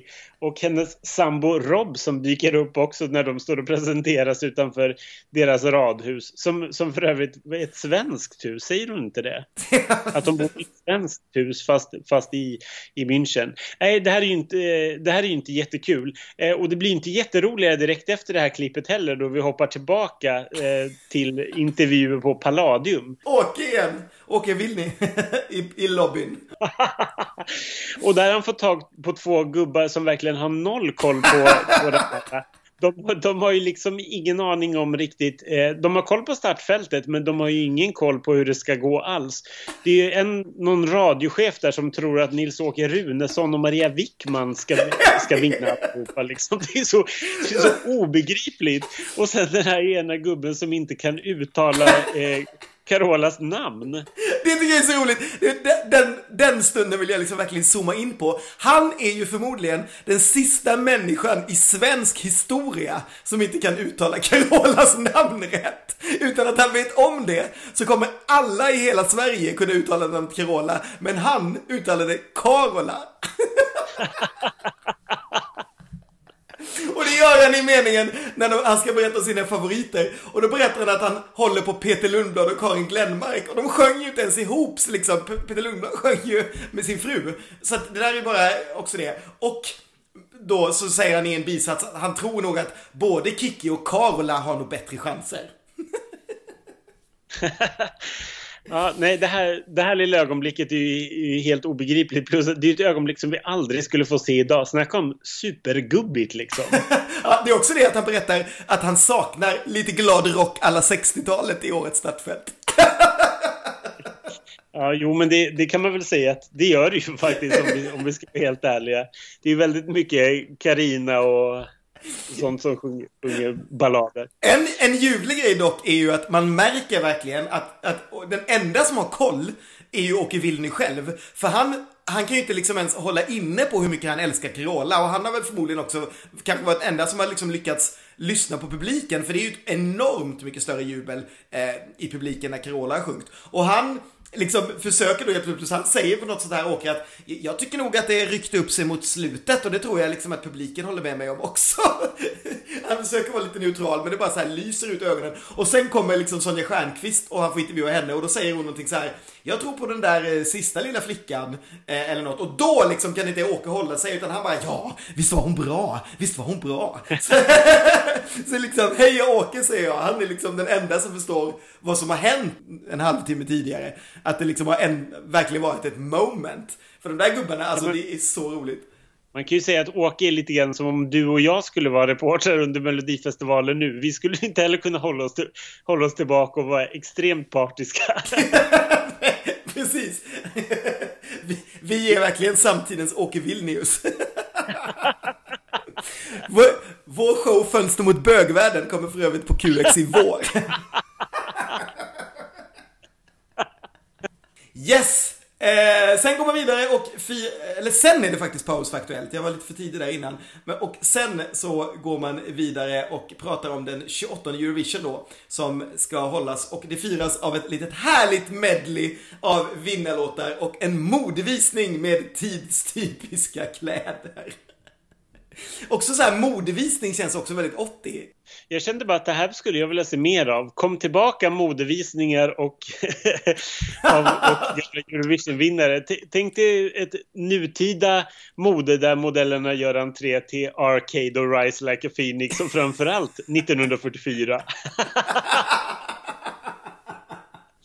Ja, men, sen, men sen efter det här då blir det ju spännande för då får vi ju reda på vilka de här fem låtarna är som har gått till final. Jajamän! Eh, och det är väl, de ropas upp i sig till random ordning och så kommer de in och får eh, bli lite intervjuade av Bibi, vilket väl går sådär, eh, kan man säga. Ja, hon är inte jättebra, jättebra och jättespontan på att, eh, på att intervjua. Det, det, det, det, blir väldigt stappligt. Den första låten då som går vidare är, är melodi nummer fyra, Varför är kärleken röd med Kiki Danielsson. Och då får vi bland annat veta att Kiki minsann är 1,55 men Bibi slår Kiki med 3 cm är 1,58 nästa låt som då går vidare, nummer sju, är bara en enda gång. Eh, och då kommer ju det här vad skottar har under kilten-skämtet. Och det tycker ju Bibi är jätteroligt. Ja, det är jätteroligt. För, för hon frågar väl först så här, eh, får jag ställa dig en fråga? Så är det väl? Och då blir han jättenervös. Ja, och så frågar hon, är, är skottarna så snåla? Och då säger han, gud jag trodde du skulle fråga vad jag hade under kilten. Och då alltså, det är nog det, det, är det fräckaste Bibi har hört. Och publiken också. Det är liksom, det är kvällens roligaste skämt tror jag. Ja men verkligen. Och sen melodi nummer tre Jag måste också säga att Ann-Louise berättar ju att hon ska vara... Att Bibi säger så här, du är med för nionde gången och då lovar Ann-Louise på heder och samvete att det ska bli den sista. Det gick ju sådär med det löftet, Ann-Louise. det var ett ännu större skämt än John Ballards. Eh, den, den tredje låten att gå vidare då är Se med Karin Glenmark och sen så kommer då Carola och går vidare. Eh, melodi nummer 10 ropas ut. Och den får ju jättemycket jubel igen då när hon går vidare. Och det är vid det här ögonblicket som hon råkar kladda läppstift på Bibi Jons blus. Ett klassiskt Melodifestivalen ögonblick. Eh, som Bibi sköter jättesnyggt tycker jag. Att hon bara äh, det gör inte så mycket. Det roliga är att jag, just då tycker inte jag man ser det. Utan då kände jag lite mer att det är så här, att, Bibi, att hon blir lite sur, att hon bara jaha, nu fick jag läppstift på mig, men det gör ingenting. Det är lite läppstift, du vet så här, verkligen så här, ingen i salongen som skulle se det. Men sen så ser man ju det ganska tydligt att det är, det är inte lite läppstift hon har kletat på Bibi kan man säga. Det är en sån här jättefläck verkligen. Eh, och Bibi är inte jättebra på mikrofonarbetet här heller. Hon glömmer ju bort ibland att hon ska föra mikrofonen till Carola så att hon står och pratar och Carola får liksom inte prata i mikrofonen utan hon kommer väldigt sent. Liksom. Eh, men efter det här så presenteras då den sista finalisten och det är ju väldigt spännande. Vilken ska det bli? Ska det bli Nils-Åke eller ska det bli fröken, falsksångande Wickman. Nej, det blir Ritz med marionett. Eh, där, där måste jag ju säga också att det är en miss i det här ögonblicket att när hon intervjuar eh, Ritz väldigt, väldigt taffligt. Det är ju omöjligt att intervjua liksom fy, fyra personer och en marionettdocka samtidigt. eh, gör hon ju missen att inte liksom ta upp att Monica har skrivit Främling. Det hade ju varit jätteintressant. Men det får vi ju en förklaring till och det är ju att, att låtskrivarna är hemliga. För det hade ju varit jätteintressant att höra vad Monica kände om det här där och då. Liksom. Exakt. Men det är, där, det, det är den enda som vet det där just då är ju Monica själv. Och eh, Carola såklart. Sen kommer, de in, sen kommer Ulf Elving in igen med en hatt, för nu ska det då lottas startordning. Och det här måste ju vara ett av de mest så märkliga grejerna någonsin, för alla drar i den ordningen som de har sjungit innan.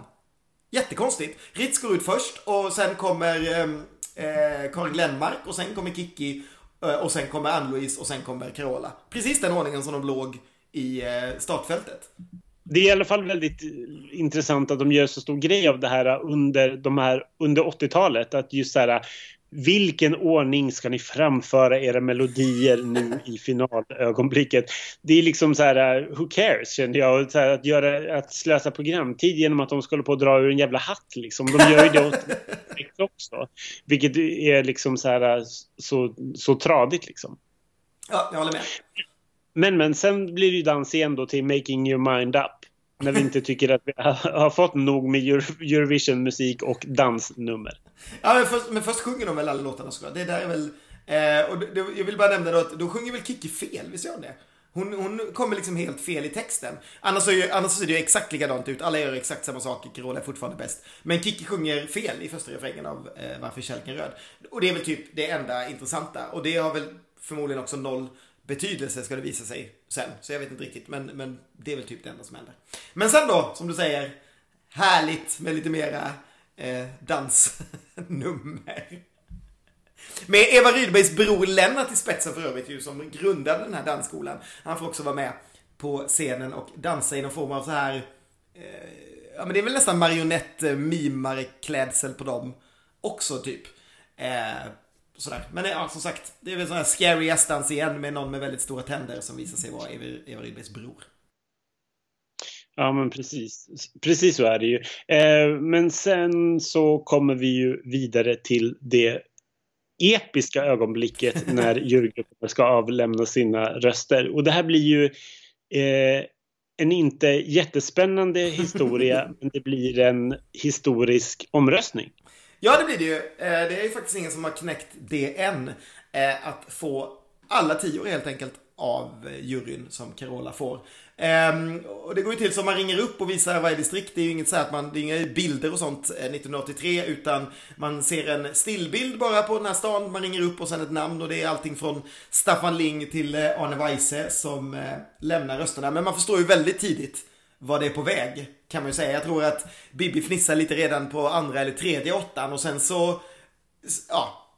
Sen, sen händer det ju inte så mycket mer. Och det är också det att alla artisterna sitter i världens tråkigaste green room. Och det är ju typ Carola de visar varje gång. Det ser ut som ett vanligt fikarum liksom. Eller något. En minimalt litet rum eh, bakom scen. Eh, ja, och så är det ju i stort sett bara Carola som man får se. Ja, precis. Och eh, det är ju väldigt, väldigt häftigt att, att så många jurygrupper ändå kan vara helt överens. För, för ser vi på finalstartfältet så är det ju ändå, det är ändå rimliga låtar de här, de här som har gått vidare tillsammans med Carola, även om såklart ingen mäter sig med Främling.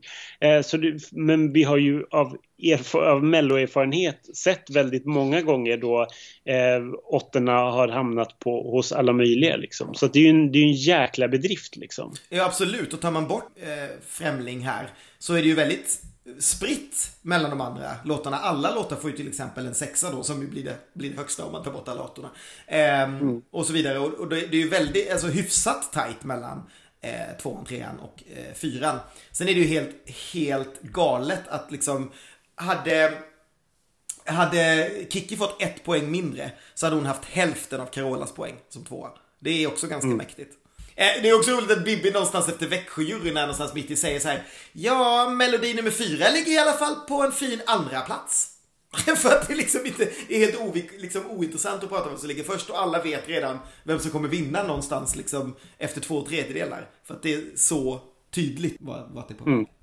Mot slutet sitter man ju bara och väntar på om det ska bli bara åttor. Alltså det är det enda, inte vad som ska vinna är ju helt ointressant. Ja, precis. Det är också roligt att, att många av de här talespersonerna för, för de här jurygrupperna är ju, rätt, är ju okända. Men vi har ju som sett nu ett antal Melodifestivalen och gått igenom ett antal Melodifestivaler från, från 80-talet eh, så är det ju samma namn som dyker upp hela tiden. Det är liksom Ulf Schenkmanis i Karlstad, Lars-Ture Ljungdahl från Norrköping, Anita Lovén från Luleå och Marita Selin från Sundsvall.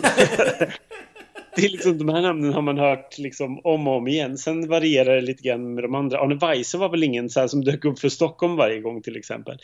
Nej, Stockholm varierade väl lite mer. Jag antar att det andra var du vet jag liksom inte riktigt vilka de här personerna var. Om det var liksom tv Eh, Schenkmanis var väl en, en tv-personlighet, men jag vet inte riktigt om de andra var det också, eller om de hade någon sån här chefsposition på något sätt. Bara jo, men de var liksom för de, eller profiler i de här distrikten, Ja. som till exempel Lars-Ture Ljungdahl, eh, han var ju känd från Visst nappa det, tillsammans med Ester, den gamla klassikern. Det är ett program som man inte riktigt tänker på varje dag. Ja, men sen vinner ju Carola då, och då kommer ju en av de så här Kanske en av de mest legendariska och mest visade liksom, intervjuerna i det här programmets historia, möjligtvis i svensk historia. Eh, Tv-historia. När, eh, när Carola säger jag tackar gud och så fnissar folk lite i, i publiken. För att man märker så här, vad roligt liksom, så här, någonting man säger. Och sen så säger Bibi så här, jag såg att du läste någonting utanför och vad var det för bok? Och hon bara, den heliga skrift, i Bibeln. Och då känner man liksom att publiken på något sätt mera tveksamt applåderar för då inser man att det där jag tackar gud var verkligen på riktigt. Det var verkligen jag tackar gud. Så då börjar man så här, mm, vad är det här som vi precis har börjat älska? Ja, men precis. Men det, och det kanske, jag, jag vet inte hur det var runt den här tiden. Var det lite mer liksom så här okej okej på något sätt? För nu tror jag att det skulle bli... Nu skulle folk verkligen reagera eller liksom... Att, att, vara, att vara troende på det här sättet liksom. Jag vet inte, det var väl liksom inte... Nej, jag kan inte tänka, alltså efter 70-talet var det väl ganska så här, det var väl väldigt mycket vänster och ingen religion överhuvudtaget och liksom eh, den biten. Så jag tror inte att det var så här, men ute på landsbygden var det väl kanske liksom lite mer kristet, men jag tror det var väldigt ovanligt att man var så öppen och speciellt om man var så ung med att liksom vara väldigt så här, att man liksom hade bett till Gud om, om, om att vinna och så. Det, det tror jag var väldigt ovanligt. För det, det, är en, det är en intressant fråga. Hade hon bett till Gud för att vinna? Eller, eller, ber, eller ber man inte Gud om sådana världsliga saker liksom? Ja du, den, den kan du försöka ställa till Carola någon gång när, när du träffar henne. Ja, det ska vi, det ska vi gräva vidare i eh, på något sätt. Bibi hoppas ju i alla fall att Carola blir en stor idol för hela världens ungdom. Precis. Och nu får man ju då dessutom nämna vem som har skrivit låten. Eh, och då sprättar Bibi upp ett kuvert och eh, ropar ut då att det var Lasse Holm och Monica Forsberg som hade gjort låten. Och att Lennart Sjöholm hade arrangerat den. Eh, och det blir först lite awkward för det är ingen som kommer upp. Utan hon står där och bara ja, vad är låtskrivarna? okej. Okej, och så kommer, det, så kommer det liksom ingen. Och sen till slut så kommer just Lennart Sjöholm upp då. Som, eh, eh, som hade arrat låten. Och sen kommer ju såklart eh, Monica Forsberg in också. Eh, jag vet inte om hon först tyckte det var lite så här halvjobbigt när hon hade varit artist själv och hamnade på en fjärde plats och gå in. Eh, eller så, eller om det bara var för att eftersom inte Lasse Holm var där. För sen, sen på något sätt får, väl de, får vi väl veta att Lasse Holm sitter hemma någonstans och tittar på tv-programmet eller vad är det de säger? Ja, precis. Det här, och det här framkommer inte riktigt varför han inte var där. Eh, det har jag försökt kolla i kvällstidningarna också. De skriver om att han inte var där och de intervjuar honom. Eh, det enda som framkommer är att han skulle, att han skulle till, på skidresa till Frankrike dagen efter. Och och skulle det alltså möjligtvis vara anledningen till att han då hoppar att vara närvarande den här kvällen? Det, det är ju jättekonstigt för att jag menar han måste ju på något sätt vetat vad han hade kan man ju tycka. Och även om man inte visste det så är ju alla andra låtskrivare på något sätt hemliga. De dyker bara upp liksom i eftertexterna. Så det var ju, fanns ju ingen risk där att man behövde sitta liksom i rutan och bli utslagen mot Nordman om man säger så. Eh, utan det var ju bara helt hemligt. Man blev ju bara liksom ett namn på slutet. Mm. Eh, Bert var i alla fall eh, snabbt framme och, eh, och såg till att Carola bokades till Nöjesmaskinen följande fredag. Just det, det kommer jag ihåg. Och så fick hon inte sjunga låten ju.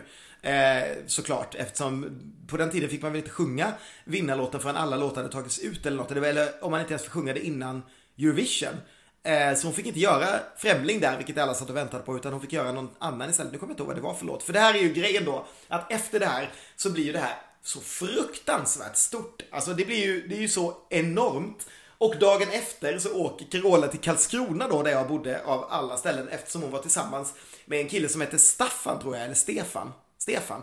Eh, som låg i lumpen i Karlskrona, så då åker hon ner dit. Och det var ju totalt kaos liksom, för att folk försökte hitta henne någonstans. Hon var med i tidningarna när hon satt i någon sorts sjömansmössa och så glad ut. Ehm, och sen tapetserade jag ju mina väggar med typ den här affischen från när skivan släpptes. Och skivan var ju enorm. Den sålde ju, det är väl en av de bäst säljande skivorna i Sverige, vad jag Mm. eh, vet. Och så vidare och så vidare. Det, det blev ju liksom, Ja, jag lekte främling på, i skolan och tyckte inte det var ett dugg konstigt att gå runt i drag som tioåring. Nej, precis. Det är ju jätte... Jag ska bara, en, en liten namnrättelse. Han hette Staffan. Nu kollade jag... Staffan, okej bra. Staffan och kallades för Stasse av Carolas pappa. Ehm, men ja, det är jätteroligt. Jag kan ju säga då att eh, kvällstidningarna var ju ganska eh, positiva till det här efteråt. Som exempelvis Jan-Olof Andersson, trot eller ej, var Va? aktiv Fanns han redan då. då? Jäklar. Ja, ja. Ja, han har ju varit ganska negativ till Mello, Mello eh, genom åren, främst sen eh, den åkte ut på turné. Men eh, han tyckte att eh, Carola var en stark vinnare och trodde att hon skulle ha en bra chans i Eurovision då. Det, jag tror att Aftonbladet skriver också att, så här, att Carola var bäst, tycker läsarna. Den unga countrysångerskan tog tittarna med storm. Man bara, jaha, Countrysångerskan? Countrysångerskan liksom. eh, och Pia Sandelin från, på Expressen skrev att eh, Carola var en självklar vinnare och att det var liksom bra eh, tv. Så det var, ju, det var ju jättekul. Däremot så finns det ju några riktigt roliga liksom, så här, grejer när man, alltså, när man läser om tittarnas reaktioner. Eh, när, man, när man kollar igenom kvällstidningarna då man kunde ringa in. Det här sysselsatte jag mig med som liten och tyckte det var jättespännande chansen att komma i tidningen dagen efter. Liksom. Eh, för, att, för att få in sina, liksom, eh, sina reaktioner. Ja, en tittare skriver till exempel Bäst att tacka Gud. Hon var verkligen en underbar flicka. Det bästa hon sa var sa att hon tackade Gud när hon vann. Gunhild Sjö 60, lokalvårdare Johanneshov. Sen var det Göran W Berg, 33 år, kontorist i Täby. Jag tycker att den här vinnarlåten var alldeles för profan. Schlager-SM är dålig underhållning men Bibi Jons var läcker. Hon borde ha sjungit en låt också.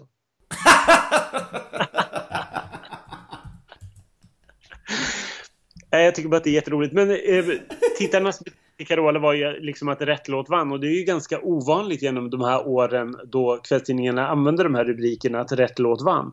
För det brukar ju alltid vara fel låt vann. Men, men det här året var folk rörande överens om att Carola skulle ha vunnit. Eh, en person, Marie Pettersson, 19 år, vårdare från Norsborg. Hon tycker att vinnarlåten var den absolut bästa för det var lite fart i den eh, jämfört med de andra. Eh, men Ritz däremot, det var rena kopian av Ted Gärdestads Satellit.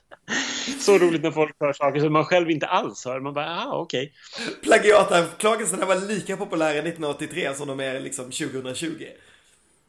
Precis så var det. ja, ja nej, men det, det, här, det här blev ju enormt. Ska vi nämna någonting om vad som hände på Eurovision? Eh, och resan dit. Det hade ju, alltså, det, Alltså det var ju typ det enda som jag brydde mig om under flera månader var ju det här skulle bli Eurovision. Jag, jag hatar ju fortfarande Corinne här, vad heter hon? Corinne. Är, jag kan inte ja. uttala ja. Som eh, eh, vann just bara för att jag kunde liksom inte ta in att någon annan vann än Carola. Det fanns liksom inte på kartan för mig. Sen så älskar jag Frihasa så här i efterhand. Men då var det bara, det var helt ogripligt. Och också det där att hon bytte sina gula kläder mot någonting annat, hela den historien, var ju också enormt i mitt liv. Att jag kunde varit så engagerad i en gul byxdress i mitt liv är ju helt absurt. Ja, jag, jag, jag jag hade nog ingenting emot att hon bytte kläder men jag förstår till dags datum fortfarande inte klädvalet hon eh, gjorde i, till München med den här eh, kortärmade svarta eh, t-shirten och de här vita byxorna. Jag tyckte inte att det var liksom tillräckligt uppklätt. Nej. Nej, det är tummen tumme ner. Den får inte vara med i modevisningen om jag ordnar med modevisning.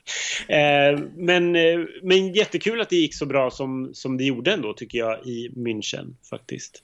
Ja, det var ju, det var ju såklart och, och alltså som sagt hennes, alltså eftermälet sen, jag kommer ihåg att Eh, hon åkte runt på någon turné sen tillsammans med just Kikki Danielsson som ju kom tvåa här och Hasse Kvinnaböske. Eh, vilket var liksom det kom så fruktansvärt mycket folk eh, på den här konserten. Det var på Stortorget i Karlskrona. Ja, helt vansinne. Och det som jag främst kommer ihåg är att dagen efter, när jag gick ut från Domus, så var Carola där utanför. Av en slump så hade hennes turnébuss stannat där. Och jag sprang fram och fick en autograf på biljetten som jag hade haft då till den här konserten som hade varit kvällen innan.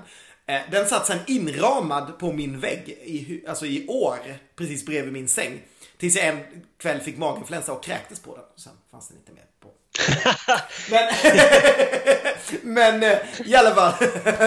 Den, jag tror till och med den finns kvar fortfarande, lite fläckig och inplastad. Jag hittade den för några år sedan när jag var där. Men jag var alltså, det var, jag var en enorm Carola-fan och det, det tror jag liksom, det släppte nog inte förrän hon gick med i, i uh, Livets Ord och började hata bögar och hela det där kittet. Det är jätteroligt. Du, vi, under Melodifestivalen under Melodifestivalsturnén i år så kommer vi att lotta ut den här biljetten då till alla våra fans. Tänk er en Carola-signerad biljett som en schlagerprofil har kräkts på.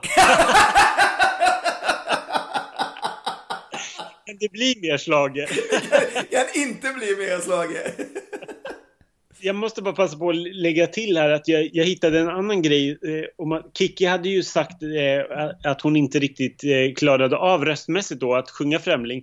Men hon tyckte även att den var gammalmodig, vilket jag tyckte var jätteroligt att, jaha, men kärleken rö är röd. Den, det var en riktigt, det var liksom in the club jämfört med vem är det du vill ha liksom.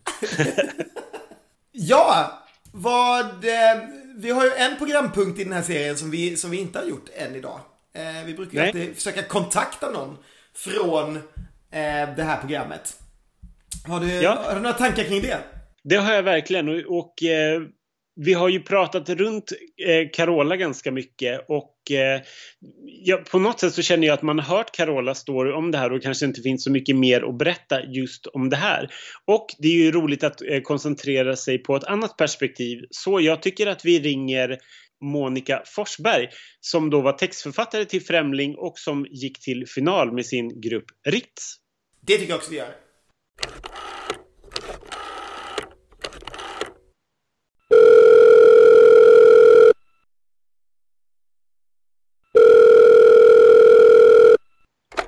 Hallå? Hallå ja. Men då, eh, då börjar vi på en gång tänkte jag. Ja, ja. Du vann ju 1982 med Chips dag efter dag på, och, och, det var ju första försöket. Det var allra första försöket. Ja, eh, och sen så debuterade du eh, på scenen då eh, 1983 i Melodifestivalen ska ju tilläggas mm. Eh, i gruppen Ritz. Men ja. du hade såklart även fått med en annan låt. Men vi kan börja med att fråga, hur, hur kom det sig att, att Ritz var med med låten Marionett? Vi jobbar ju tillsammans, eh, Peter Wangren, Kerstin Andeby och Bert Läng och jag jobbar ihop med ett barnmusikal som heter Svingelskogen. Mm. Eh, så, och det var ju samma gäng och så vi, vi gillar att skriva låtar ihop, jag och Peter främst då. Så då skrev vi marionett och så skickade vi bara in den på skoj egentligen. Så det var bara slumpen helt enkelt? Ja, det var det absolut. Okej. Okay. Hur, var det med, hur var det med den här andra låten då, Främling som du tävlade med, som ja. sedermera gick och, gick och vann? Ja, det var, det var en fantastisk resa att få vara med om. Att få, få skriva en sån låt och att det blev så stort, det blev ju ja, det blev så, det, den lever ju fortfarande i allra högsta grad. Mm. Eh, så det, det, är en fantastisk sångerska och en fantastisk låt. Mm. Hur började den resan? Jag, jag, har förstått att, att Lasse Holms eh, har plinkat, plinkade in en, någon slags grundskiss till den här. Mm. Ja, eh, och sen så skickades den till dig, eller hur, mm. hur nära jobbade du och Lasse med varandra? Vi, under de här åren så jobbade vi ju ganska nära Torgny och Lasse och, och jag och Pling. Eh, Pling gjorde väl lite mer, ja hon gjorde ganska mycket mer än jag men vi, vi, vi jobbade ihop i alla fall och det var fantastiskt roliga år det där. Vad kände du när, när, när du hörde melodin till Främling? Föll, föll texten på plats eh, ganska snabbt eller var det en knivig historia att försöka få ihop? Nej, det var att den, Lasse ville att den skulle heta Mona Lisas leende. Och jag tyckte inte om den titeln. Jag ville inte. Men jo, men och han sjöng det och sjöng då hur det skulle vara. Men så sa jag nej, jag tycker inte det. Men så, så, så kom texten och jag skrev, jag skrev den ganska snabbt. Och så fick jag med Mona Lisa ändå på ett hörn för att han skulle bli glad. um, låtskrivarna var ju, var ju hemliga på den här tiden. Eh, ja. Var, varför var det så? Det var ju så i ganska många år att man inte fick reda på låtskrivarna. Hur var det att jobba då liksom, när man, var, när man bakom kulisserna visste att, att man hade skrivit låten? Ja, det var ju spännande. Det var, det var ju helt annorlunda den gången. Mm. Och det var riktig orkester och det var dirigent och det var, ja, det var på ett helt annat sätt. Ja. Hur kändes det då att när du hela tiden visste att, att det var du som låg bakom Främling till mm. exempel mm. då som, som gick och vann. Du hade ju två låtar i final då i och med att, i och med att Marionette också ja. gick vidare. Var, var det liksom lite, lite kul att gå och suga på den karamellen för sig, ja. för sig själv och sen komma ut offentligt och berätta att det var du som hade gjort det? Absolut. Det var, och jag hade ju inte hört, jag hade ju hört eh, någon demoinspelning men jag hade inte sett Carola live utan det var, jag satt i salongen under repetitionen och jag tänkte vad, det här, det här går ju inte att slå, det här är oslagbart. Ja, det var så, man kände så på ja, plats? Ja, det gjorde jag verkligen. Okej. Okay. Eh, så du kände att Carola var en vinnare från, ja, från det gjorde, Ja, det kände jag, ja. Mm. Hur kom låten Marionette till? Det var nog... Eh, jag, jag skrev texten först, tror mm. jag. Och så gjorde Peter melodin. Och Nej, det, det, var väl bara, vi skrev väldigt mycket under den där perioden. Och så tyckte vi att den, den passade ju oss att sjunga också, så då, nej, det var, vi var ju med något år sedan igen, men en ny låt som heter Nu har det hänt igen. Ni sjöng ihop eh, vid sidan om ändå, men det känns, när jag, när jag ser er framföra Marionette så känns det lite grann som att du är gruppens Beyoncé, lite, lite stjärnan där. ja, det, det var nog inte meningen så, men det var nämligen så att Kerstin hon var gravid där i åttonde månaden. Okej. Okay. Så att det var, vi hade något sånt, eh, jag tror det. Nej, ja, det var absolut inte så. Eh, genom åren så har du skrivit en hel rad andra eh, Melodifestivalen-klassiker, bland annat Eld och lågor, Fem i tolv, 100 procent. Mm. Eh, och den, den sista låten du skrev till, texten till, till Melodifestivalen var Juliette Jonathan 1996. Ja. Mm. Ja. Eh, hur, hur kommer det sig? Och har du, vad bestämde du där, där och då att nej men nu vill inte jag fortsätta eller hur? Nej, kanske inte så mycket utan jag, jag jobbar ju med Disneys tecknade filmer. Mm. Och jag, det var ju väldigt uppsving där så jag jobbar, jag jobbar väldigt hårt och väldigt mycket. Mm. Plus att jag hade då den här barnmusikalen Svingelskogen som gick för fulla hus på folkparksturnéer och det var, ja det var så mycket så att jag tror att det, det var nog bara att det, det, blev för mycket helt enkelt. Och sen så kände jag också att nej men det blev en annan stil och så togs orkestern bort och det, det var, nej, så jag, jag är så glad för de åren när jag fick vara med. Mm.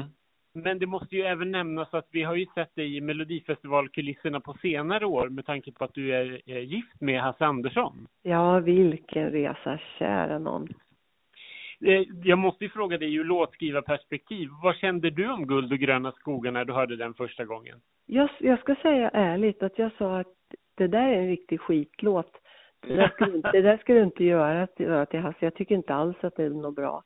Och det, det är ärligt, så sa jag verkligen. Och det mm. sa Lasse Holm också. Så det har vi fått äta upp kan jag säga. ja, det, där ser man. Men ja. finns det någon möjlighet, tror du, att du någon gång skulle kunna bli återlockad till Melodifestivalen?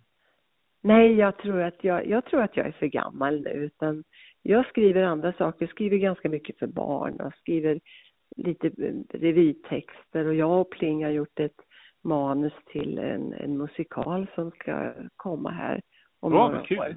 Mm. Har den melodifestivalkoppling? Nej, det kan jag inte säga, men den, eh, den bygger på våra gemensamma hits genom åren. Men det låter ju jättespännande. Ja, det ska bli, det är väldigt roligt. Mm. Genom de här åren som du skrev låtar till Melodifestivalen, finns det någon låt eller någon strof som du är extra nöjd med som du känner att den här, här där fick jag verkligen till det? Oh, det, var, det var en svår fråga. Nej, det, det, det vet jag inte direkt. Jag, jag tyckte 100 procent var en väldigt bra slager, men det var, det var ingen speciell fras som jag tycker att...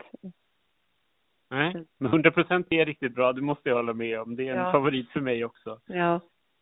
Men vad kul. Tack snälla Monica för att du tog dig tid att prata där. Det var så lite. Jättefint. Ha det så fint. Detsamma till dig. Hej, hej. Hej, hej. En sak till. eh, har vi faktiskt kvar innan vi avslutar. Det är ju att du och jag måste rangordna våra favoriter i det här programmet. Inte världens lättaste skulle jag säga när jag satte mig och göra det. Eh, vill du, vem ska börja? Vi... Ja, men jag, kan, jag kan börja och riva av eh, plåstret. Ja. Jag, är faktiskt, jag är faktiskt ganska klar, klar med det här. Mm.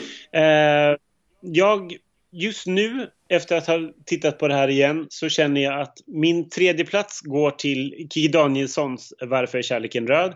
För jag tycker att det är en bra låt med bra driv som är betydligt bättre på skiva än vad den är i programmet. Sen eh, den stora överraskningen är väl den andra, min andra plats som går till Ritz mar, eh, Marionette. För jag, jag, bara, jag älskar den här eh, sektionen där Eh, där de sjunger du är oslagbar, du spelar bra och så sjunger de lite grann i kanon och sånt där. Jag tycker det är en snygg melodi. Jag gillar Marionette. Det var, det var upptäckten den här veckan. Eh, och solklar etta är ju såklart Carola och eh, Främling och jag har sagt nog om det. Jag tycker ju uppenbarligen att det är en både sexig och snygg låt. Eh, här kommer nackdelen då med att gå ut som tvåa. för jag är faktiskt inte så här, inte jätteolik ska jag säga och det är väl inte jättekonstigt heller för jag tycker att de där tre låtarna som du precis har nämnt är verkligen i en klass för sig. Eh, så den enda skillnaden är att jag har Marionette på tredje plats men jag håller med dig, jag tycker den, det var också en, en liksom, lite nyupptäckt för mig. Det det är en snygg jäkla låt från sin tid. Eh, tycker jag. Väldigt, liksom, man fattar absolut varför den är där. Och sen på andra plats då, Varför är kärleken röd? Eh, inte så mycket för kanske den versionen vi ser här, utan för att, nej men för att det är en riktigt härlig jävla slager som borde få lite mer uppmärksamhet. Och sen går det ju inte att undvika att ha Främling. Det, ju, det, det är ju helt orimligt att se det här programmet och inte ha Främling som etta, vad man än kanske tycker om låten. För här är den ju, eh, ja men den är, den är totalt liksom överlägsen. Ehm, jag skulle inte sätta, om jag skulle rangordna olika vinnare vi har så tycker jag att vi har väldigt mycket starkare vinnare. Men här, den kanske är den låten som har varit den starkaste vinnaren i sitt sammanhang. Om du förstår vad jag menar. Det här låter ju väldigt konstigt. Mm. Men jag tycker att det, det, finns ingen låt, tror jag, i någon eh, Melodifestival som jag sett som har känts så självklar och så stark eh, som Främling gör i, i det här programmet. Däremot så finns det ju liksom eh, massa låtar som vi kommer att prata om i den här programserien som jag tycker kanske till och med är ännu bättre och som kanske eh, skulle kunna lyst lika tydligt i ett lika dåligt sällskap men som har haft större konkurrens och därför kanske inte eh, lyckats göra det. Men solklart, Marionette, Varför kärleken röd och så Främling på första plats. Jag är lite ändå att du inte hade med Nils-Åke Runesson. Vi Runesson. Vi Runesson. Eh, eller eh, den fantastiska låten eh, Okej, okay, jag ger mig med Maria Wickman. Eh, som vi ska hålla Henrik Wikström till svars för någon gång i framtiden. Eh, ja, har vi sagt allting om 1983? Det, det känns ju ändå som ett så här, det är ett otroligt härligt klassiskt år att inleda programserien med. Men samtidigt så är det, det, det är ett väldigt halvtrist år att prata om just eftersom låtarna är ganska ljumma. Ja, precis. Jag, jag, tycker inte att det är inte så mycket som, som sticker ut. Det blir ju li, lite grann i brist på annat. Jag tror kanske inte att jag hade... Eh, nej, ja, nej. Ja, jag håller med. Det är inte det, är inte det, det, det mest spännande året. Framförallt så är det, slogs jag av liksom när man har sett de här tio låtarna att det är ju väldigt mycket liksom anonyma unga sångerskor liksom. Där, där Carola liksom sticker ut som Eiffeltornet i eh, ett radio på det liksom. Det är så himla tydligt att hon, hon är the one liksom. Och sen, sen tycker jag på något sätt att det är befriande med hennes lilla liksom lockiga korta frisyr jämfört med alla stora burr liksom. Man, hon stack ju ut på fler än ett sätt liksom. Ja, nej, för att vara en av de mest klassiska Melodifestivalkvällarna eh, någonsin i historien så är det ju verkligen ett program som man inte gärna ser om eh, en gång till utan eh, väldigt mycket alkohol i kroppen. Det måste jag säga. Nej, jag tycker vi avslutar det här eh, med ditt fantastiska resultat. Carola stack ut som ett Eiffeltorn i ett radhusområde. Um... ha det så bra. Vi hörs nästa vecka. Ha det gott. Hej då! Ha det gott.